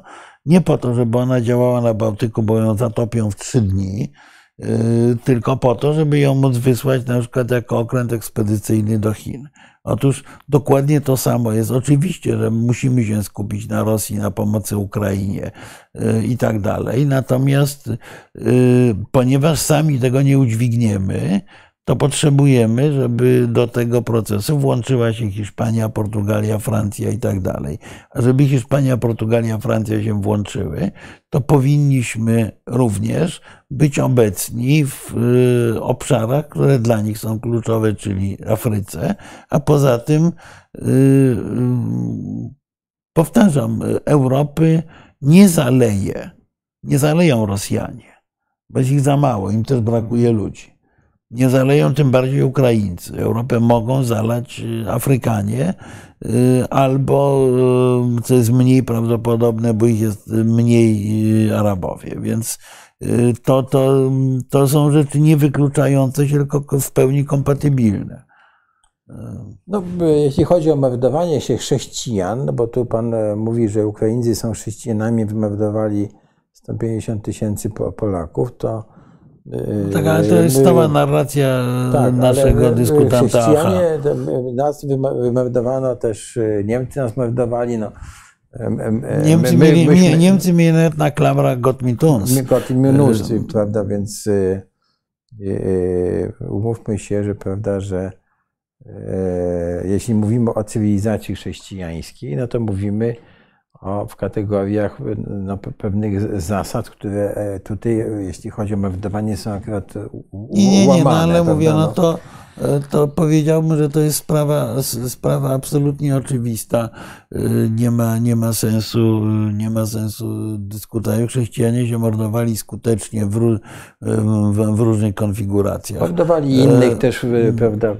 Tak, to... E, ja się nie zgadzam z człowiekiem z Xboxa, który powiada, nie da się powstrzymać imigrantów do Europy, do tego potrzeba żelaznej ręki, a tego już nie ma w Europie. Otóż nie, nie, jest, nie potrzeba żelaznej ręki. Potrzeba e, właśnie ręki e, przyjaznej, chwilami miękkiej, która potrafi ich powstrzymać przed przyjazdem. I w momencie, kiedy wsiądą na łodzie, to już jest za późno. Tak. Oni muszą chcieć zostać w domu. I no, no i tyle, a tego się nie robi ręką żelazną, chociaż czasami ręka żelazna być może by się przydała dla powstrzymania różnych wataszków, którzy tam rządzą, no ale to jest inna historia. Pan Adam Kluska, który tutaj e, nam napisał, czarny zdobył uczelni afrykańskich na poziomie naszej szkoły podstawowej, nie. no to jest rasistowski komentarz. Nie, to nie tyle, nie, nie tyle rasistowski, ile powtarzający stereotyp. To nie jest Ale, niestety... Nie, bo rozumiesz, dla, mówię, że jest, jest rasistowski, bo e, tu jest tak, że, że czarny się nie może nauczyć. E, nie, I tak to nie, nie, nie. Czar, czarny ma złą uczelnię. Dobra no. uczelnia afrykańska jest na poziomie naszej szkoły podstawowej. No, ale ja rozumiem, że e, biały, ale biały z kiepskiej uczelni też będzie na poziomie nie, ale, szkoły podstawowej. Ale ja proponuję panu Adamowi, żeby spojrzał na listę szanghajską jest więcej uczelni z, z, Afryki niż z Polski, no naprawdę. Tak, znaczy wyżej umiejscowionych. I tak. więcej. Mhm. Więc to, to, to, to jest po prostu nieprawdziwa teza y, przy świadomości, że rzeczywiście bardzo duża część mieszkańców Afryki jest y, straszliwie niedokształcona i w ogóle ma mentalnie nie jest dopasowana do naszych realiów. To jest prawda, ale ale to już jest, to, to, to, to, już jest inna kwestia. Tu klasyczna de, de, debata o klimacie. Ja nie jestem tak, no, klimatologiem, więc na razie mamy, nie, na razie nie ma mamy sensu. ewidentne y, to, że się ociepla. No, na przestrzeni mojego życia, 70-letniego, tak, no. ja pamiętam zimy, prawda? A teraz y, tych zim nie ma, no nie ma śniegu i tak dalej. Tak, no, no. też ty pamiętasz. Tak, to czy jeden... to jest y, proces, który jest, się nie odwróci, czy to ocieplenie jest krótkotrwałe, czy, czy nie, no to zobaczymy. No, ja... Tak, to, to, to, no taki, Możemy powiedzieć, to pozwolę taki... sobie na poironizowanie, pozwól, bo Tutaj chyba jeden z komentatorów nie, nie, nie zrozumiał y, mojej ironii. Przed chwilą była, że w Europie nie fajnie, bo zimno. No nie fajnie, bo zimno dla mieszkańców Afryki subsaharyjskiej. Zimno tak. i pada, y, jak śpiewał Kazik kiedyś, a ma, ma to, to, to, to nie, nie, nie jest związane w ogóle z kwestią ocieplenia, czy nie. Tak samo jak manewr 66 TW stwierdzając, że skoro się ociepla, to nie będziemy potrzebowali dużo energii. Jest też nieprawdą, bo więcej energii zużywa zwykle klimatyzacja latem na schładzanie niż, niż na ogrzewanie. Na ogrzewanie. Yy, ale, więc... ale tu jest ciekawa uwaga, żeby na przykład wiele części Europy, a my przede wszystkim y, jesteśmy w takim stanie wykluczenia energetycznego. To znaczy, że mamy bardzo mało, y, bardzo mało używamy tak. prądu, między innymi do ogrzewania. I mhm te, mam nadzieję, te elektrownie atomowe, które powstaną, plus nowe sieci energetyczne, które trzeba, bo, bo budować elektrownię to jedno, a zmodernizować sieci przesyłowe to jest drugie, prawda, e, że zmienią e, to wykluczenie, ale chyba już nie, nie w, w moim pokoleniu już na pewno nie, ale pewnie dla, dla, dla pokolenia e, na, nie tego, który już jest dorosły, tylko pewnie na następnych. Oby nam się udało to. Tak, no. Ale wiesz, bo tutaj, tym, tutaj pan tym... Karol Wojdak powiada coś, co mnie smuci bardzo. Co nas interesuje południe? Niech się zajmą byli kolonialiści, w tym także Niemcy. Oni się zajmują. Właśnie problem polega na tym, że nas powinno interesować, bo tam się będzie rozstrzygało bardzo wiele procesów, które nas również dotkną. Y, I, y, i naprawdę no to, to, to, jest, to, to, to jest powtórzenie, panie Karolu, tej frazy z wesela, niech na całym świecie wojna, byle polska wieś spokojna. No nie, no, tak. jak będzie na całym świecie wojna, to polska wieś nie będzie spokojna. Natomiast tezy, te, te, teza pana Szymona Tomczyka, że w Afryce nie ma szkolnictwa technicznego. No jest mało, bo, bo, nie, ma, bo, bo nie ma potrzeby. W momencie, jak będą fabryki, to, to, to będzie szkolnictwo techniczne. Ja przypominam Państwu jeszcze jednej rzeczy, że tysiąc lat temu Europejczyk był uważany za chama, dzikusa, Y, absolutnego y, przez niezwykle kulturalnych Arabów z Bagdadu, a nawet przez Tuaregów tak naprawdę. Tak. Y, więc po, posługiwanie się takim stereotypem, że Murzyn jest dziki i nie chodzi do szkoły, jest umie tylko czytać i pisać i tyle to cała wiedza, powiada pan Adam Kluska. Otóż panie Adamie, Afryka przoduje na przykład w y, użyciu y, y, aplikacji w telefonach komórkowych. Płaci się w Afryce komórkami za wszystko w ogóle. Jest światowym liderem w tym. Tak. No, miasta, mówią mi moi znajomi, którzy jeżdżą, po prostu że byli zdziwieni tym, prawda? Tak. Afryka jest nieprawdopodobnie biedna, nieprawdopodobnie zacofana. Jest rzeczywiście mentalnie odmienna, ale, ale to nie jest nie, nie, dlatego, ale to, dlatego, to, to, dlatego to, pozwoliłem sobie nazwać, prawda, e, ale że to są uwagi traktowanie z wyższością jest po prostu błędem. Nie, no po e, prostu już ani to modne, ani, ani to prawdziwe. Ale, nie wiem. ale to, to nawet tak, nie jest kwestia, bo jak się powie, że rasizm, to się ktoś obrazi. Nie. To jest po prostu błąd. To jest po prostu błąd, to jest niedostrzeganie tego, że y, oczywiście y, są istotne różnice wynikające z kultury, pewnie z genetyki też zresztą.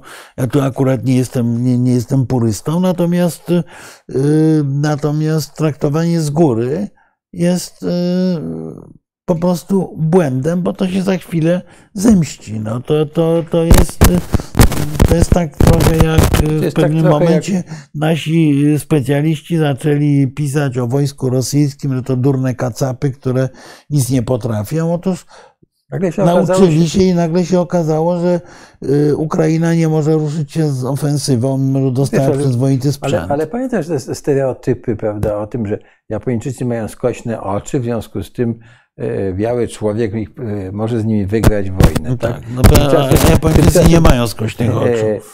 Albo rozumiesz, a tymczasem żołnierze japońscy, że nie, wiesz, że orientacja w terenie nie będzie w ogóle. A oni zresztą przechodzili przez dżunglę jak przez masło. Każdy żołnierz japoński miał zamiast mhm, zegarka tak, kompas, tak, no i nagle świetnie się poruszali i pojawiali się na tyłach wojsk amerykańskich czy brytyjskich, prawda, w tej, tej, w tej wojnie z Japonią, nie, nie wiadomo skąd. Także tak, tak nie, nie, bawmy się w te stereotypy, to jest po prostu nie, no tak. nie, nie, nie modne. I...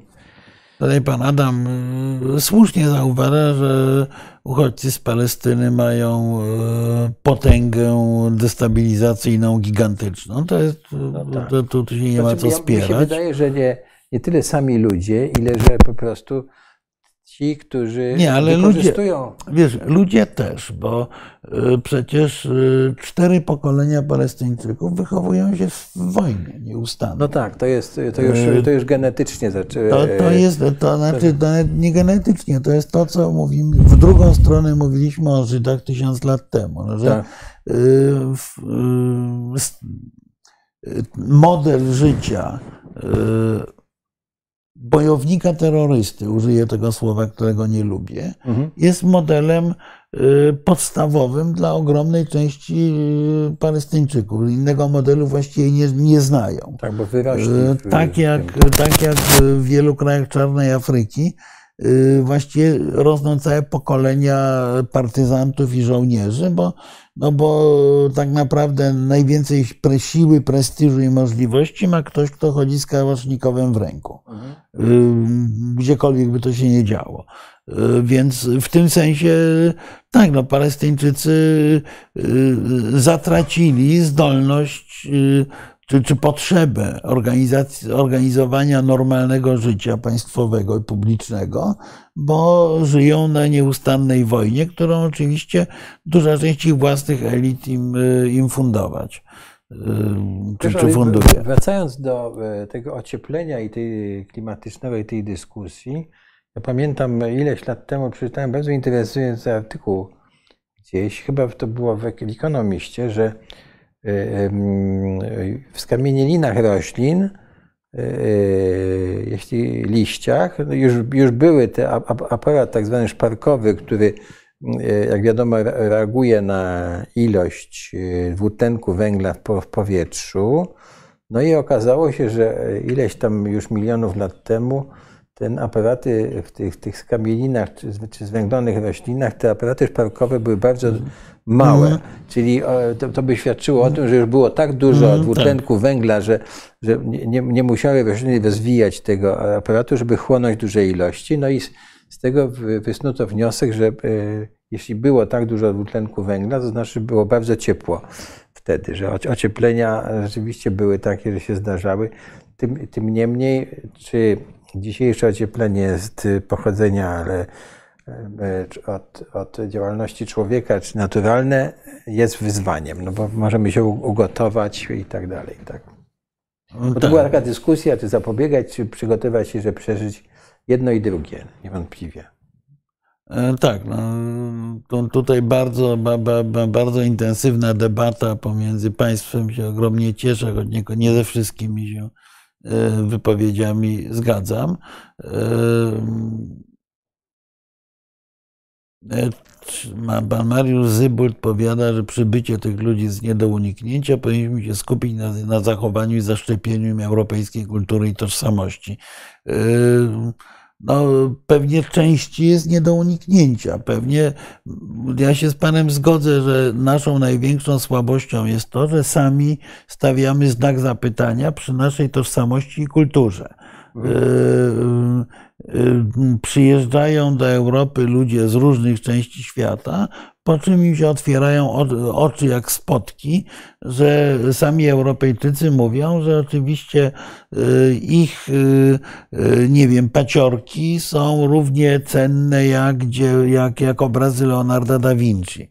To gołym okiem widać, że niekoniecznie tak jest Oczywiście w sensie znaczenia wkładu pracy to mo, mo, można o tym mówić, ale nie potrafimy być dumni z własnej siły, kultury, własnych osiągnięć, a jeżeli sami nie jesteśmy dumni, to nie potrafimy tej, tej dumy zaszczepić imigrantom. Czy to są imigranci z Azji, czy z Afryki, skądkolwiek, oni przyjeżdżają, bo oni uważają, że to jest ziemia obiecana. Po czym na tej ziemi obiecanej się okazuje, że jej lokatorzy są, twierdzą, że ta ziemia obiecana jest dużo gorsza od, od y, krajów, z których właśnie ci migranci przybyli. Im się robi po prostu mętlik w głowie i zaczynają negować y, świat, do którego przyjechali pełni marzeń. To nie jest przypadek, że najwięcej problemów nie jest z migrantami, którzy przyjeżdżają tylko z drugim pokoleniem, które się wychowało w szkołach tego kraju, w którym mieszkają. Mhm. To jest y, absolutna norma, że drugie pokolenie jest y, skrajnie niezadowolone, neguje swój kraj, ale między innymi dlatego, że, y, ich otoczenie lokalsów nie jest przekonany o, o, swojej wartości. Znaczy, a czasami oczywiście uprawia taką elegancję kulturową, że mówi, właśnie temu dżentelmenowi, który jest wyznawcą y, drzewa chlebowego, że oczywiście drzewo chlebowe i Jezus Chrystus to są absolutnie równorzędne byty i, i Tak. y, ja cię w pełni rozumiem, że ty wyznajesz drzewo chlebowe, a, a ten przyjechał y, w przekonaniu, że nareszcie będzie mógł, będzie się modlił w katedrze, gdzie się dowie o y, prawdziwych tajemnicach tej największej religii, dzięki której powstała potęga.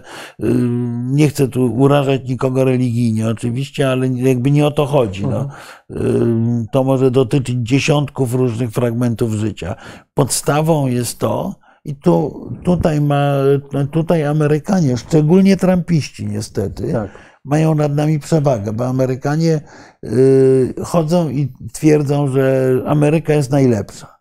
To jest ge- generalnie, zresztą pracowałeś tam parę lat, Tak. więc wiesz, że y, amerykański jest najlepsze z definicji po prostu. To jest, y, znaczy im się w głowie nie mieści, że coś nieamerykańskiego może być lepszego. Y, To było wielokrotnie No ale to my, falsyfikowane. my musimy też często krytykujemy nasz własny kraj. Znaczy, e, znaczy nie tyle kraj, ile sposób e, u- Ale, u- ale nie, ale jest gorzej. Nie, jest gorzej, ponieważ my mówimy, że no taki, taki badziew to tylko w Polsce, ale prawdę mówiąc bardzo podobnie mówi Francuz czy, czy Holender. Tylko u nas może być taki badziew. To przyjeżdża ten imigrant i się dowiaduje, że, Że tu to jest badziew. badziew. tak. No tak. Jego marzenie, dla którego on poświęcił rodzinę, pieniądze, mnóstwo różnych rzeczy, status życiowy. Czyli co? Czyli od dzisiaj zmieniamy naszą narrację, że Nie, no my, jest- znaczy, e, nie, nie, pilnujemy. nie jest to kwestia zmiany naszej narracji, jest to kwestia y, zmiany naszego myślenia trochę, czyli docenienia tego, co mamy. Bo my no, y, my- no myśmy- uważamy, że to, co mamy, my Europejczycy, ja nie mówię Mhm. o Polakach, bo my jesteśmy mm, świeży Europejczycy cały czas, ale y, generalnie to jest naturalne otoczenie. Wobec tego to, że ma się, nie wiem, Wersal, no to no jest Wersal, no ale proszę, o tu brudna, brudna, brudna ściana, o. No to zamiast zachwytu tym Wersalem, Francuz powie, że tu jest brudna ściana, a tutaj p- jest pęknięcie muru. Y, no, Oczywiście znowu spłycam to, i, ale, ale wiesz, ro- rozumiem, o to chodzi, że przyjeżdża ktoś y, z oczami jak spotki, bo jego marzeniem było zobaczyć ten Wersal i tu mieszkać i żyć tak jak ci ludzie, którzy mieszkają wokół tego wspaniałego pałacu. Tak, po czym się A, okazuje, a, że jemu mówią, a jemu mówią, że to ten wspaniały pałac jest y, tyle samo wart, co twoja lepianka w, y, y, gdzieś koło Durbanu. I w ogóle nie ma, nie, nie ma tematu. I ty masz wspaniałą lepiankę i twoje, twoja motyka jest lepsza nawet od naszego kombajnu i tak dalej. No, y, przecież taka jest europejska narracja. Y, myśmy się nauczyli y, negować własną kulturę, własną cywilizację w ogóle. Wobec tego, skoro my nie jesteśmy z niej dumni, no to, to dlaczego ktoś obcy, kto przyjeżdża, ma, y, ma, ma ją przyjmować? No, nie, tak, On ją może, przyjmuje na początku, bo przyjechał za marzeniem, ale właśnie ten, kto odebrał, jego syn, który odebrał wykształcenie, już Tak. na, nasze, szwedzkie, francuskie, polskie, i który jest na pograniczu tych dwóch kultur, nagle widzi, że jego rodzina, powiedzmy w Gazie, jest dumna ze swojej palestyńskości, jest dumna ze swojej religii, jest, y, jest, y, uważa, że to jest y, najlepszy świat, chociaż biedny, bo go Europejczycy okradli, a tutaj to, to czego go uczą, to jest ciągła falsyfikacja. Wiesz co, ale jak tak mówisz, to mi się przypomina też, wiesz, tak, to, że w wielu przypadkach, no, y, na przykład po, Polska, czy ludzie w Polsce od, odrzuci, od, odrzucali te, tych ludzi, którzy chcieli dołączyć do tej kultury. I tutaj o czym mówię? No, pamiętam taki wzruszający esej już nie pamiętam, Stryjkowskiego czy, czy, czy ich, który opowiada o żydowskim chłopcu, czyli o sobie samym, już nie pamiętam, czy Józef Hen, czy Stryjkowski, czy, prawda, który marzył, poglądał, poglądał przez dziurkę, rozumiesz, te chrześcijańskie dzieci, chodzenie na, na religię, prawda, ten e, polski kościół i chciał się tam za wszelką cenę przyłączyć. I, i, i kiedyś po prostu się przyłączył i poszedł tam i, i, i usłyszał, prawda, no, no, nie, prawda, ty, ty jednak nie idź, został odrzucony z tej, tak. No i co powie, napisał Julian Stryjkowski wtedy, prawda, że ci, y, y, ta cywilizacja, czy ten mnie odrzuciła, ale e, e, tego, tego chłopca przyjęło słowo, mm. tak, czyli przyjął język, w związku z tym no, stał się świetnie no tak, piszącym no, no, pisarzem. Tak, no, Więc tak, to też, to o tym, jest, o, też o tym pamiętajmy, prawda, że my, my w wielu przypadkach zamiast y, przyjąć tych ludzi naszej kultury, po prostu ich odrzucamy, bo kolor skóry, pochodzenie, prawda, że no, no, i tak jest, dalej, to, to i tak dalej. To jest ten tak. problem, który jest właśnie z Meksykanami w Stanach Zjednoczonych. Tak. Y, bo y, trochę odpowiedzi. Pan Tomasz Wesołowski zadaje pytanie, nieelegancko trochę. Pańskie twierdzenie o rzekomym przeniesieniu produkcji z Chin do Indii jest dowodem ignorancji, jeśli przypomnieć prosty fakt, że potencjał wytwórczy Indii jest 10 razy mniejszy od HRL. No, ale właśnie... Znaczy, potencjał Indii jest czterokrotnie mniejszy od chińskiego, nie dziesięcio. E, natomiast, e, natomiast e, ja mówię o pewnym, o pewnym procesie, który się dzieje i który można zaobserwować w Europie, panie Tomaszu. Ja bym powiedział, że zarzucanie ignorancji jest pewną przesadą. Można dyskutować, tak jak się zresztą spieramy na przykład często z profesorem Jelonkiem właśnie. Ja twierdzę, że przyszłością są Indie. On przytacza te argumenty, że Chiny są cały czas wielokrotnie większe, ale przypomnę, że yy, jeszcze nie tak dawno mówiono, że Stany Zjednoczone są o tyle większe od Chin, że Chiny nigdy nie będą mogły rywalizować, a w każdym razie nie będą mogły realizować dającej się przewidzieć przyszłości. Okazało się, że to tempo rozwoju było bardzo duże. Przypominam, że dekadę temu Indie były bodaj na 11 miejscu, jeśli chodzi o PKB w skali światowej. W tej chwili wyprzedziły większość krajów Zachodu, są na piątym miejscu po Stanach Zjednoczonych, Chinach, Japonii i Niemczech, a wszystko wskazuje na to, że w ciągu najbliższych dwóch, trzech lat wielkością PKB wyprzedzą Niemcy. Ja no to ja, ja, rozumiem, mówię o trendzie. Dwie, dwie rzeczy do pana Tomasza. Ja rozumiem, że intencje pana Tomasza nie były takie, żeby cię o, o, obrazić, tylko no nie, sformułowanie jest nie, nieuprzejme. Tak. tak, jest nieuprzejme, bo gdyby sformułowanie były takie, czy nie sądzi pan jednak, prawda, że to i to, prawda? No bo tak. i to by było, i można powiedzieć to samo w inny sposób. Tak. To raz. Pan... Y- Dwa, Amerykanie nie uważają, że y, y, nie ma potencjału w Indiach, no bo sami, prawda, ostatnio Ale tam inwestują tam jak szaleni. Także tak nie uważają Amerykanie i, i to, że jest różnica w tym potencjale, nie znaczy, że Indie nie mają potencjału takiego, że znaczy, tam no się nie jest... rozwinie nowoczesny przemysł. Nie, tak no, nie jest. No, no, oczywiście. No... Tym bardziej, że, że proszę zwrócić uwagę, co, co mamy, z czym mamy do czynienia w Chinach. Prawda? Partia komunistyczna do, do, każdego zakładu pracy, i to profesor Góralczyk mówi, i to można przeczytać, do każdego nawet ma, małego zakładu pracy wprowadziła prawda, osobę no tak. partyjną, no która tak, tak. pilnuje. Tak. tak. I to, poziom centralizacji poziom centralizacji jest taki, że dusi chińską i dusi, że dusi gospodarkę. W, w, w Indiach tego nie ma. Czy będzie, czy nie, to zobaczymy, ale na razie nie jest ma. dużo większy bałagan oczywiście niż w Chinach. Tak. E, więc e, inwestorzy wybierali Chiny między innymi dlatego, no przykro to mówić, ale inwestorzy wolą kraje totalitarne, bo tam jest porządek. Tak. E, w Indiach jest ogólny bałagan rzeczywiście, ale, no, ale to jest półtora miliarda konsumentów i nikt na świecie z tego półtora miliarda konsumentów nie zrezygnuje. Jeszcze tym, jak jest masa filmików na YouTubie, jak takiego rzemiosła e, z Indii, który, wiesz, który potrafi wyprodukować najbardziej precyzyjne No rzeczy. nie, no to, Wiesz, ale to, jest po prostu jest niesamowite. hinduska od tysiącleci. Tak Wiesz, za pomocą właściwie prostej Tak, obrabiarki, młoteczka, młotka tak. i tak dalej, po prostu produkują i, i, i tyle mamy tu do powiedzenia chyba.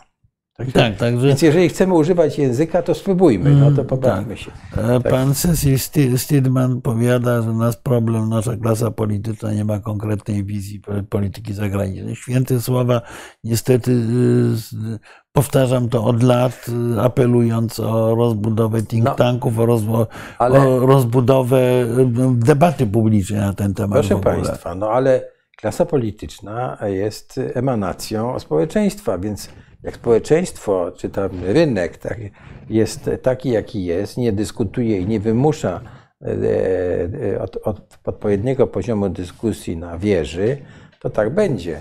Tak? No i e, nasze zabawy tutaj i spotkania z państwem są też temu służą, żebyśmy my nawzajem, prawda, się Tak. bogacili, prawda? No bo staramy się, my czy, No, próbujemy, Próbujemy, właśnie budować próbujemy, tę tak. debatę o, o polityce tak, ale też korzystamy z, z państwa uwag i, i Debata z dialogiem. dialogi, więc- ale prosiliśmy państwa, żeby napisać e, e, tydzień temu prosiliśmy państwa, żeby napisać te najważniejsze rzeczy, jakie są dla Polski i nie znaj- znajdujemy tego. Ja tu mam pretensje do państwa, prawda, jakie są, e, co powinno Tak. być, e, co jest najważniejsze w polskiej e, polityce zagranicznej. A, a, a debata, no, no, nie- no nie ma no, de- debat, no nie zbudowaliśmy, prawda? Jest Tak, du, no. duża część ludzi, którzy uważają, że płacą podatki i e, klasa polityczna wszystko za nich e, Znaczy, no tak, załatwi. ale klasa polityczna nie chce tego załatwiać, bo z kolei nie jest to atrakcyjne dla wyborców i tak dalej. Myślę, że to się będzie zmieniało, będzie się zmieniało powoli, ale rzeczywiście no, jednym z celów tych naszych spotkań jest, jest rozbudzanie czy pobudzanie debaty o, o, o kwestiach międzynarodowych i o No, oczywiście mamy polityce też- międzynarodowej. No, umówmy się, że mamy też przyjemność e, sp- e, sp- No czytania właśnie, Państwa no, no nie, no właśnie te- debaty, no, po, debaty. powtarzam, debaty. Tak. Skądinąd za tydzień będę Państwa namawiał do lektury książki, którą jeszcze nie skończyłem.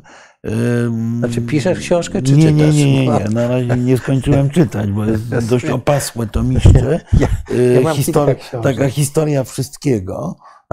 I, I tam autorzy postawili, oni zajmują się właściwie poczo- od początku ewolu- historią ludzkości, udowadniając, że poruszamy się w wielu stereotypach zrodzonych jeszcze w XVIII wieku. Wszystko jedno, w każdym razie oni w pewnym momencie stawiają tezę i nawet dość sensownie uarg- uargumentowali. Jak mówię, nie doczytałem do końca, więc nie chcę mi powiedzieć, a i tezę, że y, człowiek y, osiągnął przewagę, homo sapiens osiągnął przewagę ewolucyjną, dlatego że potrafił dialogować między sobą.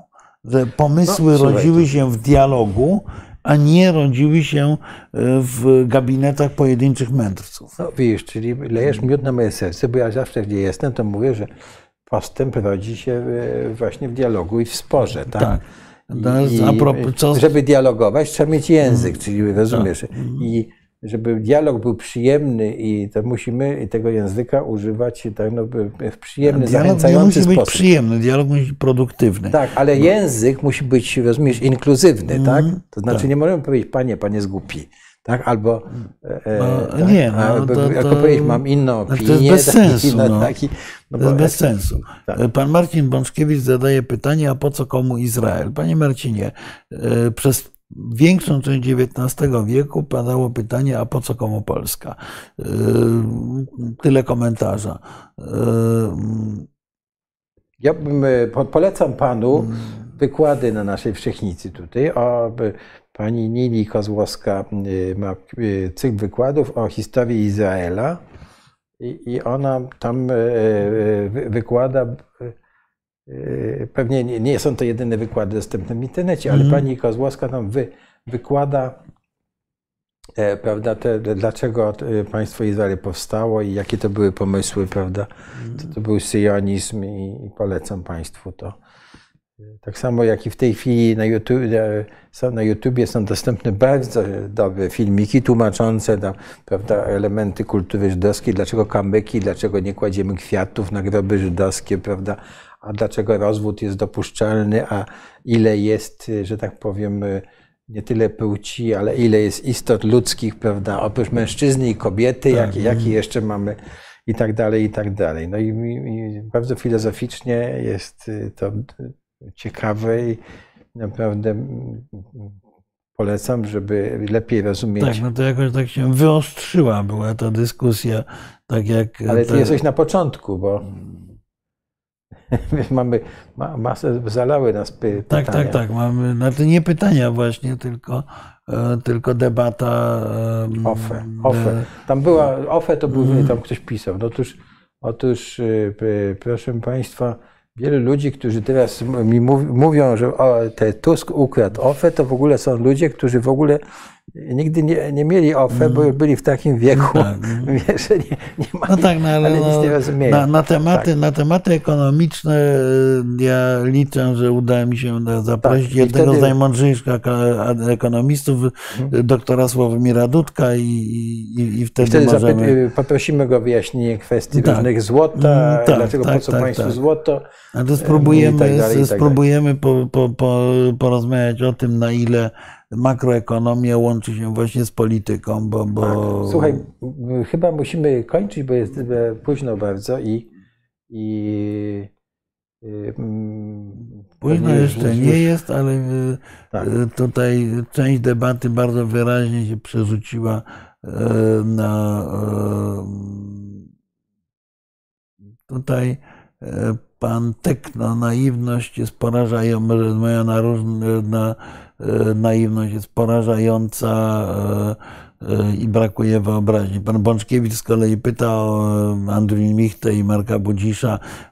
Z, z, Markiem ostatnio jest kłopot, bo jest, bo, bo, bo, bo jest zawalony pracą i, i nie było prosto go umówić, a z profesorem Michtą przyznam się szczerze, że ostatnio się nie spotykałem, więc, więc go nie, nie zadałem mu pytania o jego czas, ale, ale pamiętamy o tych, o tych osobach, bo, bo właśnie jesteśmy za tym, żeby to był intensywny dialog. Proszę pana. E, Panie natomiast- Piotrze Naborczyk, ja tylko chciałem panu zwrócić uwagę, że Rudy y, ma niezwykle ciekawą historię Hmm. życiową, bo on, y, proszę pana, zarabiał na własne utrzymanie, y, wyjąc szyby w takiej Znaczy alpinistycznej. nie, no, to, to I umie zarabiać pieniądze, jako, tak. umie zarabiać jako młody człowiek, jako student.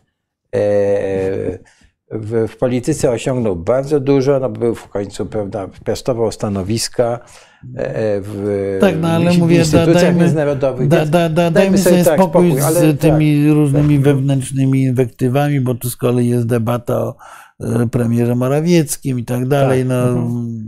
kompletnie nieistotne. nie, nieistotne. W, E, w Natomiast każdym razie ja bym chciał... Znaczy e, nie, nie jest nieistotne, ale, ale mm, bądźmy szczerzy. No, e, spróbujmy rozmawiać o polityce e, międzynarodowej, bo naprawdę jest to kwestia, e, która jest coraz bardziej kluczowa i jak słusznie część z Państwa zauważyła, jest e, ewidentnie niedoceniana przez e, e, szeroko rozumianą elitę wpływu w Polsce. Więc, Tak, ale umówmy, jak popatrzymy na w ogóle dzieje świata, to umówmy się, że e, polityka e, zagraniczna to jest matka polityk wszystkich. Tak, oczywiście. Istnienie e, to, czy Kowalski będzie Kowalskiemu się dobrze żyło, prawda, i czy będzie bezpieczny, czy będzie mógł budować swój dom i kupić drugi samochód, zależy od tego, jaka jest polityka międzynarodowa, tak? Tak, to na, jest- e, ale, ale pozwól, że przepraszam ci Proszę wszedłem słowo, bo mówiłeś o firmie alpinistycznej. Night Road, ta firma alpinistyczna to była ściema wyborcza, nawet to prostowali. No ja więc, nie- nie- e, więc ja mogę widziałem, e, e, pana zapewnić, że nie była, bo no tak się składa, że znam większość tych ludzi, którzy wtedy tam pracowali. ja- I to była tak. e, e, od e, prezesującego w tej firmie świętej pamięci Macieja Płażyńskiego Tak, tak. po ludzi, którzy w tej chwili Tak. są w biznesie, y, więc nie mówmy, że to, Nie, to, nie, y, nie, że to nie, była ściema. Nieprawda, że to była ściema, to niestety jest e, tak, real. Pani Iwona Wojewoda zadała istotne pytanie, co się dzieje z Naddniestrzem, dlaczego Ukraina go nie, nie zajęła, a pan Tomasz powiada, że dlatego, że należy do Mołdawii. Sprawa jest bardziej skomplikowana. Ja myślę, że to jest w ogóle warte, warte pewnej uwagi, proszę Państwa, ponieważ jednym z powodów tego, że Ukraina tej wojny nie wygrywa, jest to, że ona musi się w tej wojnie samoograniczać, że e, bardzo wyraźnie sojusznicy, którzy dostarczają Ukrainie broni pieniądze, wobec tego mają ogromną siłę decyzyjną, że sojusznicy powiedzieli, że Ukraina nie może na przykład atakować terytorium rosyjskiego, e, że należy się ograniczać w użyciu pewnych rodzajów broni. No przecież y, w momencie, kiedy trwa ofensywa rosyjska na terenach Ukrainy, jeżeli toczy się wojna między dwoma państwami, to wręcz logiczne byłoby wejście na terytorium Rosji, prawda? Natomiast yy, sojusznicy zabraniają nawet ostrzału lotnisk, z których startują rosyjskie samoloty, żeby bombardować Ukraińców. Yy, Ukraina jest yy, tak jak Izrael w gazie, tak Ukraina jest również, ma nałożoną pewną uzdę, ograniczenia wojenne yy, wynikające z może złudzeń, może długofalowej polityki sojuszników. Również dlatego zapewne nie wkroczyła do Naddniestrza, bo, bo Naddniestrze, no tu słusznie Państwo mówią, że jest częścią Mołdawii, ale jednocześnie jest de facto mm, pod okupacją rosyjską e, e, wojsk rosyjskich, które no, są też częściowo lokalne, ale no, jest ta rosyjska baza i Naddniestrze jest, Naddniestrze jest taką enklawą zarządzaną przez Rosjan, tak samo jak Abchazja, tak samo jak Południowa Osetia, e, więc zajęcie Naddniestrza byłoby logiczne w logice pełnowymiarowej wojny, ale pamiętajmy, że jest to wojna, w której Ukraina, no tak jak e, w wielu firmach e, takich z cyklu przepraszam za określenie mordobicie, no to bohater y, zmuszony do walki jest osłabiony przez to, że ma, nie wiem, jedną rękę przywiązaną do ciała, może walczyć mm. tylko jedną, mm, albo nogi tak, spętane. Tak. Y, Ukraina znajduje się w, y, w, takiej, w takiej sytuacji. Pan Piotr Nalborczyk mówi, że jestem gadającą głową i że proszę pochwalić się jakimiś sukcesami, jak pan był ambasadorem. Yy, myślę, że tych sukcesów kilka odniosłem, będąc ambasadorem i nie tylko ambasadorem. Natomiast mam wrażenie również, że nie jest to ta okazja, yy, która skłaniałaby mnie do opowieści na ten temat. Niektóre z tych rzeczy są do pamiętników. Niektóre z tych rzeczy są publicznie znane. E, na pewno nie, nie po to zajmuje czas e, wielu osób, które e, uczestniczą w tym czacie, żeby, żeby się chwalić. Wydaje mi się, że chodzi o taką dosyć agresywną, dosyć agresywny komentarz personalny, no, no ale, tak, ale trudno. Ja panu odpowiem, proszę pana, pan obecny tutaj Jerzmarek Nowakowski no, stworzył bardzo dobrze działający ośrodek. Znaczy, po, oprócz tego, że napisał szereg znaczy, artykułów w tak. PRL-u, tak. prawda, i wszczął brał udział w dyskusji nad formowaniem polityki zagranicznej, no to był współtwórcą bardzo ważnego ośrodka my, myśli dla Senatu. To znaczy, no, był to pierwszy think tank w Polsce. Był pierwszy think tank w Polsce i tak dalej, więc więc o czym my tu w ogóle myślę, myślę, e, że mówimy? Także... Parę, chyba już wyliczonych w tysiącach, jeżeli liczyć Ale... nieduże artykuły publikacji. Bardzo dziękujemy myślę, że, myślę, że również miałem dość spore e, zasługi w okresie, kiedy byłem ministrem w rządzie premiera no, Buzka. Tak, to było bardzo dobre. Myślę, że, myślę, że udało mi się wychować bardzo wielu ludzi, którzy stali się y, potem politykami pierwszej ligi po każdej stronie politycznej barykady. którzy współpracowali ze mną i w Senacie, i w rządzie. Myślę, że jako ambasador również doprowadziłem do kilku dość ważnych decyzji państw, w których, w których miałem zaszczyt pracować. I co, co oczywiście nie jest do opowiadania publicznego.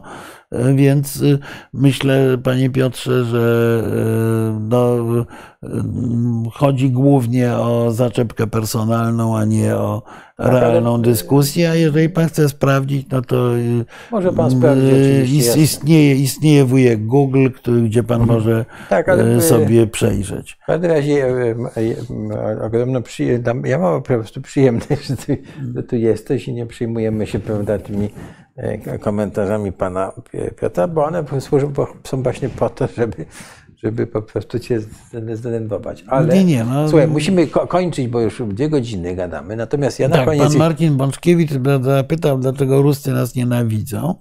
E, nie sądzę, żeby Ruscy nas nienawidzili, to jest bardziej skomplikowane, ale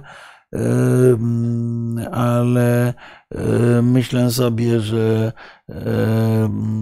Polska dla Rosjan jest symbolicznym wrogiem i symbolicznym wyrzutem sumienia, więc nie tyle nas Rosjanie nienawidzą, ile uważają, że Polska jest zdrajcą sprawy słowiańskiej, niewątpliwie. Ten zdradziecki lach jest w języku rosyjskim. Rosjanie również mają świadomość tego, że e, blisko półwiecze ich historii było naznaczone rywalizacją z Polską o e, ziemię dzisiejszej Ukrainy i Białorusi, czy, czy, czy szerzej przez ten pas, o ten pas Międzymorza, e, który początkowo Rosjanie przegrywali i dopiero i dopiero teraz, dopiero teraz, najpierw w okresie zaborów, a, a teraz próbują odwojować, że tak powiem, te swoje, te, te swoje tak, straty no, wcześniejsze. Zgodzi się ze mną, że my jednak byliśmy ciągle przeszkodą dla ekspansji e, e, rosyjskiej, znaczy, no, prawda? E, najpierw byliśmy w ogóle wrogiem, jak to mówisz, y, y, y, potem, a potem byliśmy przeszkodą dla ekspansji. Do dzisiaj oni nas tak. osądzają o to, że to, że zostali wyparli z, wyparci z Europy, prawda, że to w dużej mierze nasza wina, no czy tak. za, zasługa, czy, prawda, czy dlatego nas, nas nienawidzą. No. No, bo stoimy, że tak powiem, na, na, na, tak, przeszkodzie pan, imperialnych planów. Ale słuchaj, no, musimy, Pan Michał musimy... Zalewski tu wersalikami, aż to nie jest w necie specjalnie eleganckie, ale pan Michał Zalewski powiada, powiedzcie o zmianie traktatów unijnych. No cały czas to mówimy. Na razie nikt traktatów nie zmienia. Na razie to są pewne propozycje, dosyć wstępne. To mówiliśmy o tym zresztą wcześniej. Natomiast cały czas, to, cały czas jest to temat naszych rozmów. Jest, jest pytanie rzeczywiście o przyszłość Europy, o federalizację i tak dalej. Natomiast Natomiast wydaje mi się, że y, jest to etap jeszcze taki, w którym traktaty nie są zmieniane. Traktaty jest potwornie trudno zmienić w ogóle y, europejskie. Wymagają na przykład w wielu krajach zatwierdzenia przez referenda, czego się generalnie elity polityczne boją. Y, więc prawdopodobnie zmiany będą wprowadzane tylnymi drzwiami, ale rzeczywiście Europa jest przed decyzją, czy przekroczyć Rubikon federalizacji, czy, te, czy się cofnąć, ale y, w polityce, proszę Państwa, zawsze jest tak, że jeżeli ktoś nie idzie naprzód, to się cofa. Y, nie, w polityce nie można stać. Ale tak jest też w biznesie. Jak firma się tak. nie idzie naprzód, nie szuka nowych tak. pomysłów, to się upada. Ja, musimy kończyć, ale jeśli pozwolisz, to ja się odniosę do jednego z panów tutaj, pana Szymona Polańskiego, który powiedział, że nas ogląda, sprawił nam ogromną przyjemność i ogłosił, że będzie startował w wyborach na wójta w swojej mm. gminie. I proszę Państwa, tak, nadchodzą wybory samorządowe I samorządy są solą, że tak powiem, naszego funkcjonowania. I bardzo zachęcam Państwa, żeby się do tym zainteresować, dlatego że bez niezależnych samorządów, a niezależność samorządów ma trzy albo właściwie cztery podstawy. Te trzy, trzy podstawy są takie, że to, jest, że to jest osobowość prawna, pieniądze, no i mienie komunalne. I czwarty, niezależność i dobre funkcjonowanie samorządów, to jesteśmy my, obywatele, których tych, e, wpływamy na to, jak te samorządy funkcjonują, bo my posła to wybierzemy, on sobie pójdzie do Sejmu i może nam powiedzieć to do widzenia wyborco, to ja sobie teraz będę robił co chciał i my e, nie możemy mu nic zrobić. Możemy go nie wybrać za 4 lata, ale wójta i burmistrza możemy odwołać. No i pilnujmy tej, tej samorządności, pilnujmy, żeby e, by, e, samorządy były, miały jak najwięcej pieniędzy, bo od tego zależy nasza edukacja, drogi, nasz poziom życia, od tego, czy mamy dobrego wójta i burmistrza, będzie też zależało, czy on potrafi roz, rozwijać e, relacje między nimi, prawda, budować kapitał społeczny i tak dalej, i tak dalej. Więc pilnujmy tych samorządów i bardzo się cieszę, że pan Szymon będzie kandydował na wójta i e, chciałbym też pozdrowić, bo wiem, że tutaj są sołtysi, którzy nas oglądają. Chciałem powiedzieć, że byłem w Gdańsku na zjeździe sołtysów Pomorza i proszę Państwa, e, no to było na bardzo wysokim poziomie dyskusji o, o sprawach polskich, o, o tym właśnie, e, jak Polska ma funkcjonować, jak ma funkcjonować samorząd i po prostu jestem pod ogromnym wrażeniem. Chciałem pozdrowić wszystkich sołtysów, którzy w Polsce są tym elementem właśnie samorządności. Tak, no to padło mnóstwo, mnóstwo jeszcze ciekawych, ciekawych pytań, ciekawych wątków zostało E, poruszonych. Niektóre, jak mówię, e, debata o tym, kto jest lepszy w piciu, w czymś innym, to tro, trochę, e, to trochę nie, nie licuje z powagą większości głosów, które tutaj mhm. padają. Natomiast to, co pan Michał Zalewski mówi o tych traktatach unijnych, Bruksela, która planuje powiększenie swoich kompetencji wobec państw członkowskich, tak, proponuje rzeczywiście. Y, I y, pytanie jest, czy to jest w naszym interesie, czy nie. Myślę, że warto się nad tym zastanawiać. Ja nie do końca mam, znaczy nie do końca jestem przekonany, ale bliżej jest mi do myśli, że tak. Y, przy czym pamiętajmy, że jeżeli Bruksela nie ma dużych kompetencji, czyli jeżeli nie działa mechanizm wspólnotowy, to y, jesteśmy w sytuacji gry państw pomiędzy sobą, a wtedy jesteśmy z góry na pozycji słabszej, bo Niemcy mają większy ciężar gatunkowy i w takiej, mówiąc brzydko, na walance jeden na jeden yy, osiągają przewagę. Natomiast yy, istotą Brukseli, czy istotą mechanizmu wspólnotowego jest to, że musi, nawet jak, mu się nie, jak się nie podoba wszystkim, to y, musi uwzględniać interesy y, wielu, wielu graczy i wielu, i wielu państw. Więc to jest to, to, to, to, że Bruksela poszerza swoje kompetencje, to niekoniecznie musi iść wbrew naszym niekoniecznie musi iść wbrew naszym interesom. Już, proszę Państwa, ostatnia kwestia, pani Kasia e, powiada, na co kłaść nacisk w dzisiejszej edukacji. Więcej science, e, czy więcej języków i wiedzy o świecie, żeby kształtować dyplomatów. Ja, ja nie, e, Pani Kasiu, ja nie widzę tutaj sprzeczności. Ja powiem tak, że pamiętam rozmowy z moim tatą, który był właśnie inżynierem i który mówił, kierując jakąś pracownią projektową, która mówił, że dobry inżynier, dobry projektant, który jest kreatywny, to jest ktoś, kto ma solidny background humanistyczny. Więc to się ze sobą nie kłóci, bo z kolei e, uprawianie dyplomacji bez elementarnej przynajmniej znajomości reguł statystyki, ekonomii, matematyki też jest e, zajęciem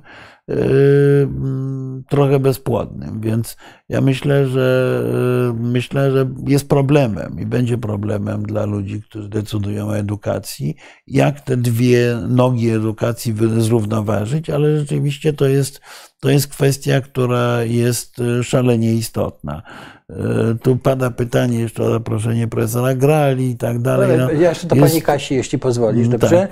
Pani Kasiu, y, y, y, jest, jeśli chodzi o dyplomację, to bardzo chyba chcielibyśmy obaj polecić bardzo grubą książkę profesora, pana ambasadora Tomasza Orłowskiego, brata Witolda, tego ekonomisty, o ile dobrze wiem, który napisał książkę Praktyka dyplomacji.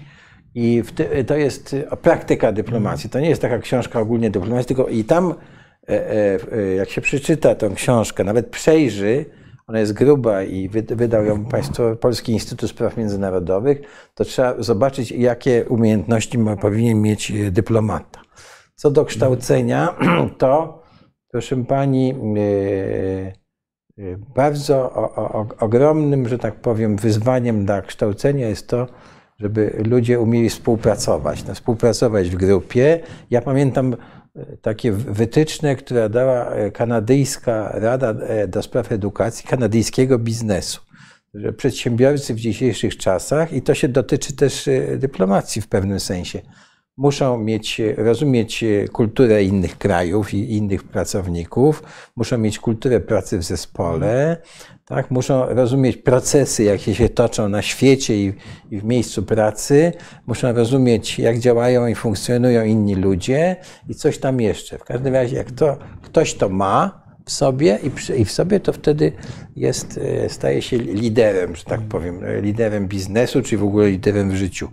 Więc y, oczywiście y, matematyka, wiedza inżynierska jest w tym bardzo ważna, no bo to do, dotyczy, prawda, czy człowiek będzie konstruktorem, czy będzie rozumiał, y, jak będzie patrzył, jak tak patrzy na statyw, jest na tym statywie obciążenie, to ja na przykład rozumiem, jakie siły w tych nogach statywu są, albo rozumiem, że jak zginam gałązkę, to dlaczego ona pęka na, zawsze na górze, a nie na dole. Tak?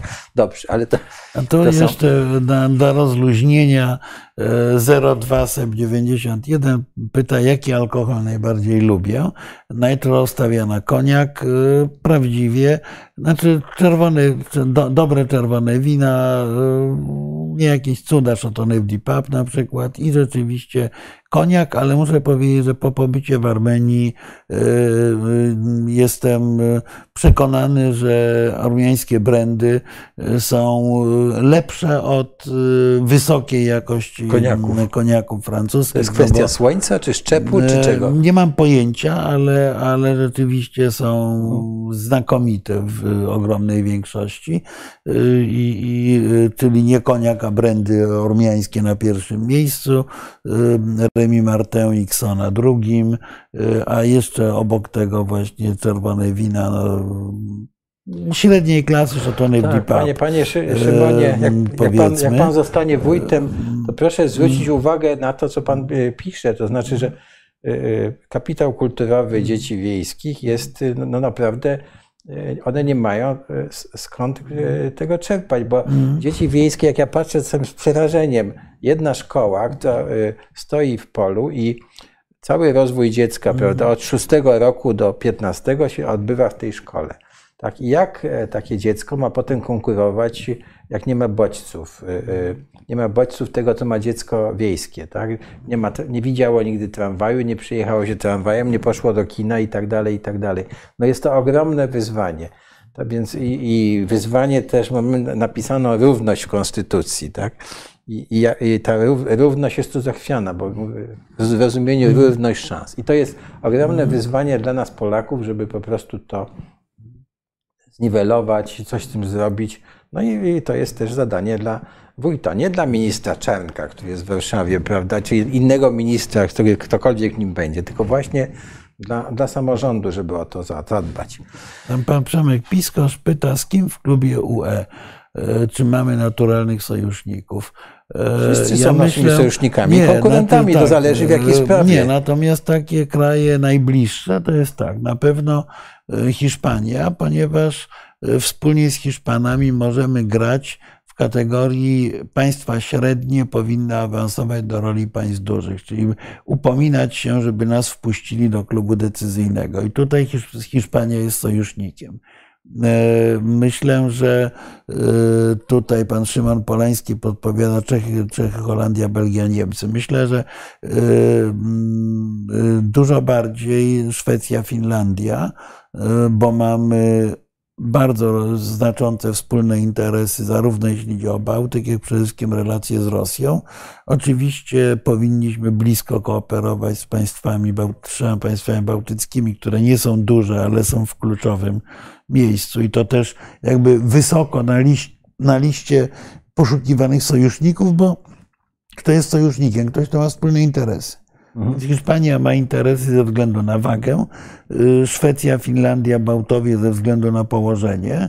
Y, rzeczywiście no, partnerem takim dość oczywistym, między innymi ze względu na dużą rozmowę, um, rozmiary wymiany gospodarczej i na pewną obawę przed dominacją niemiecką są Czesi, bo współpraca polsko-czeska wzmacnia oba nasze kraje w dyskusji z sąsiadem niemieckim w wielu kwestiach. Y, y, ale, ale tutaj to Twoja odpowiedź, że tak naprawdę y, Unia Europejska polega na budowaniu, na budowaniu sojuszy ad hoc, to jest oczywiście prawda.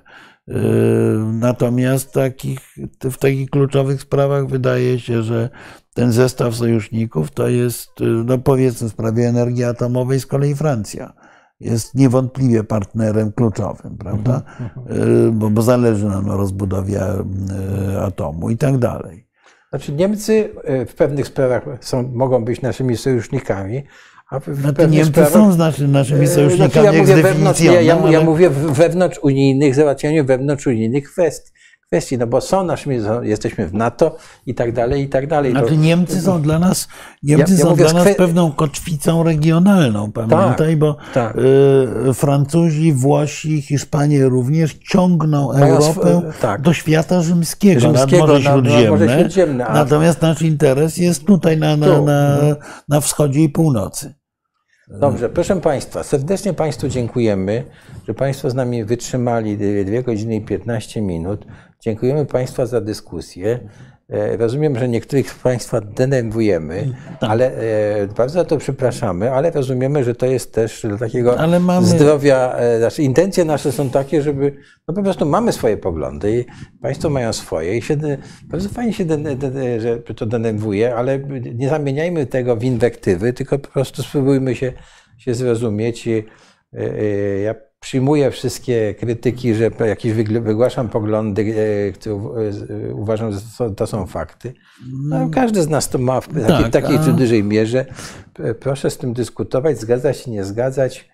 I do zobaczenia za e, tydzień. Osiem dni. Za osiem dni, tak. W czwartek, Wracamy do czwartku. Tak. Spróbujemy zaprosić profesora E, Adama Jelonka, jak tak, rozumiem. Tak, tak, po, tak. mieliśmy Korei, zamówienie na Koreę Południową, i, a szerzej tak. Y, zachodni Pacyfik i okolice. Także proszę Państwa, proszę też pamiętać o, o, polubieniach, o, o Patronite. Mhm. Mamy kilkunastu patronów, to nie jest dużo, ale z, dla patronów zorganizujemy specjalne e, takie tete tet, jeśli, jeśli wydarzenie, e, wydarzenie tak. żeby sobie pogadać tak swobodnie mm. i, i, po prostu by bliżej niż taką dyskusję na, na czacie. Pozdrawiamy Państwa Bardzo serdecznie, dziękujemy. dziękujemy i do zobaczenia.